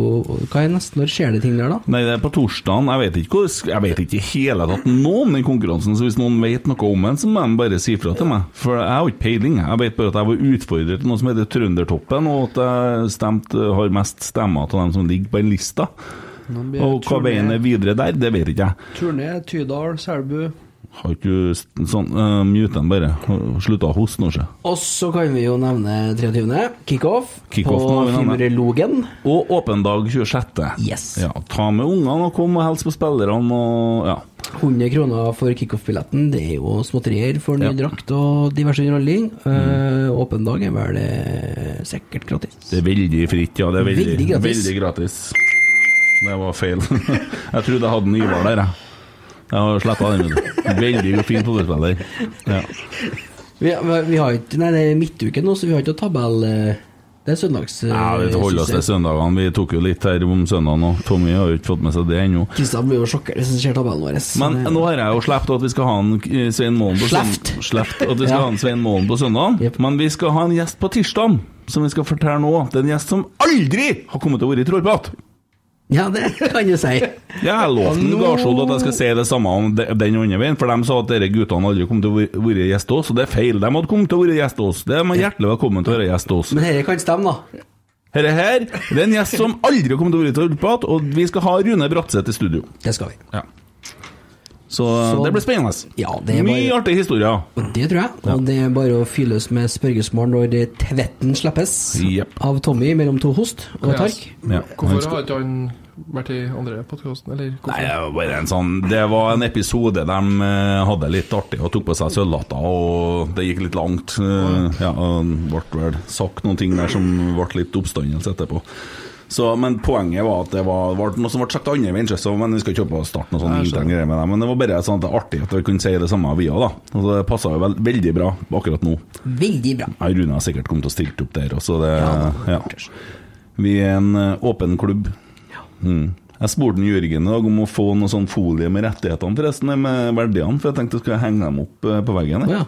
Få, faktisk. Ja, vi må få dem, vi òg, så vi har å leve etter. Ja. Er du kjøpt og betalt av Rosenborg, eller? Nei, ikke men eh, så hvis dere har noe sånn der eh, foliegreier liggende med noen sånne ting, så gjerne hatt en eh, på Det kontoret. Ja. Begynner å bli litt RBK-effekt her etter hvert, da. ja, det gjør Vi gjør har jo en pin, og så har vi en Har ikke vi en sånn eh, Fikk en sånn perlegreier som han laga. Ja, den er fin. Ja, den er veldig Det fin. er ikke noe tull. Der ligger det en jakke bak deg. Den fikk gutten til en uh, Emil. Var en som kom og ga meg på trening. Han ville gi den til sønnen til en, eh, til en Emil, altså, det, til en anker. Den der har han brukt da når han var liten. Den den er jo ikke laga den er gammel, ja. Den var kul! Ja. Det må vi legge ut bilde av. ja.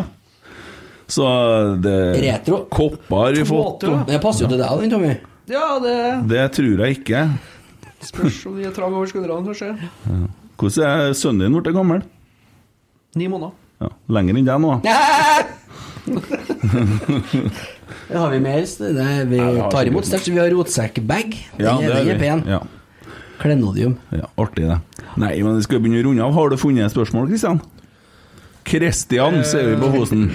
Resmark. Du kan jo ta den med dilemma, da. Ja, Jeg var litt kreativ. Ja. Det var Vetle som hadde Vetle Skattvoldsmyr. Ja. Vetle Skatvoldsmyr får to billetter til årsfest. Høres ut som en Ivo Caprino-figur. Send en eh, Tommy en eh, DM eller til Rotsekk, da, og så skal vi eh, videreformidle det, navnet ditt til en Jørgen Stenseth, så du får tilsendt billettene. Da fikk han den. Ja, nei, men vet ikke, har vi noe mer på hjertet? Vi kunne sikkert ha sittet til i morgen. Jeg tror folk begynner å bli lei nå. Så Nei, de gjør ikke det, så ikke gjengen her. Har ikke noe drit på en Løkberg her på slutten her. Ja, men han skal gifte seg Ja, han har ikke avsatt noe dato eller år, her for så men eh, det får komme, da. Ja, Se for meg, så sier de skal vi ha egne løfter, eller skal vi, skal vi skrive våre Ja, vi skriver våre egne. sier, Hva du tror hvor langt det blir? Og høyt. Det var artig. Når du trodde at jeg var oppe og sang i lag med en av gamlingene fra Riddelauga, så var det en Løkberg som var oppe og sang i lag med. Du var skeiv den kvelden òg.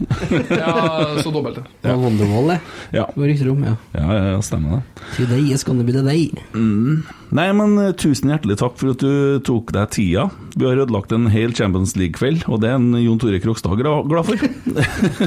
vi ser bare norsk fotball, vet du. Ja, men Ja. Det, det er bra, det. det Ja, det har vært artig å være med, så fin gjeng. Mm, takker for det, og tusen takk for at du kom. Takk i like måte. Tommy, god bedring. Skårer! Oi, oi,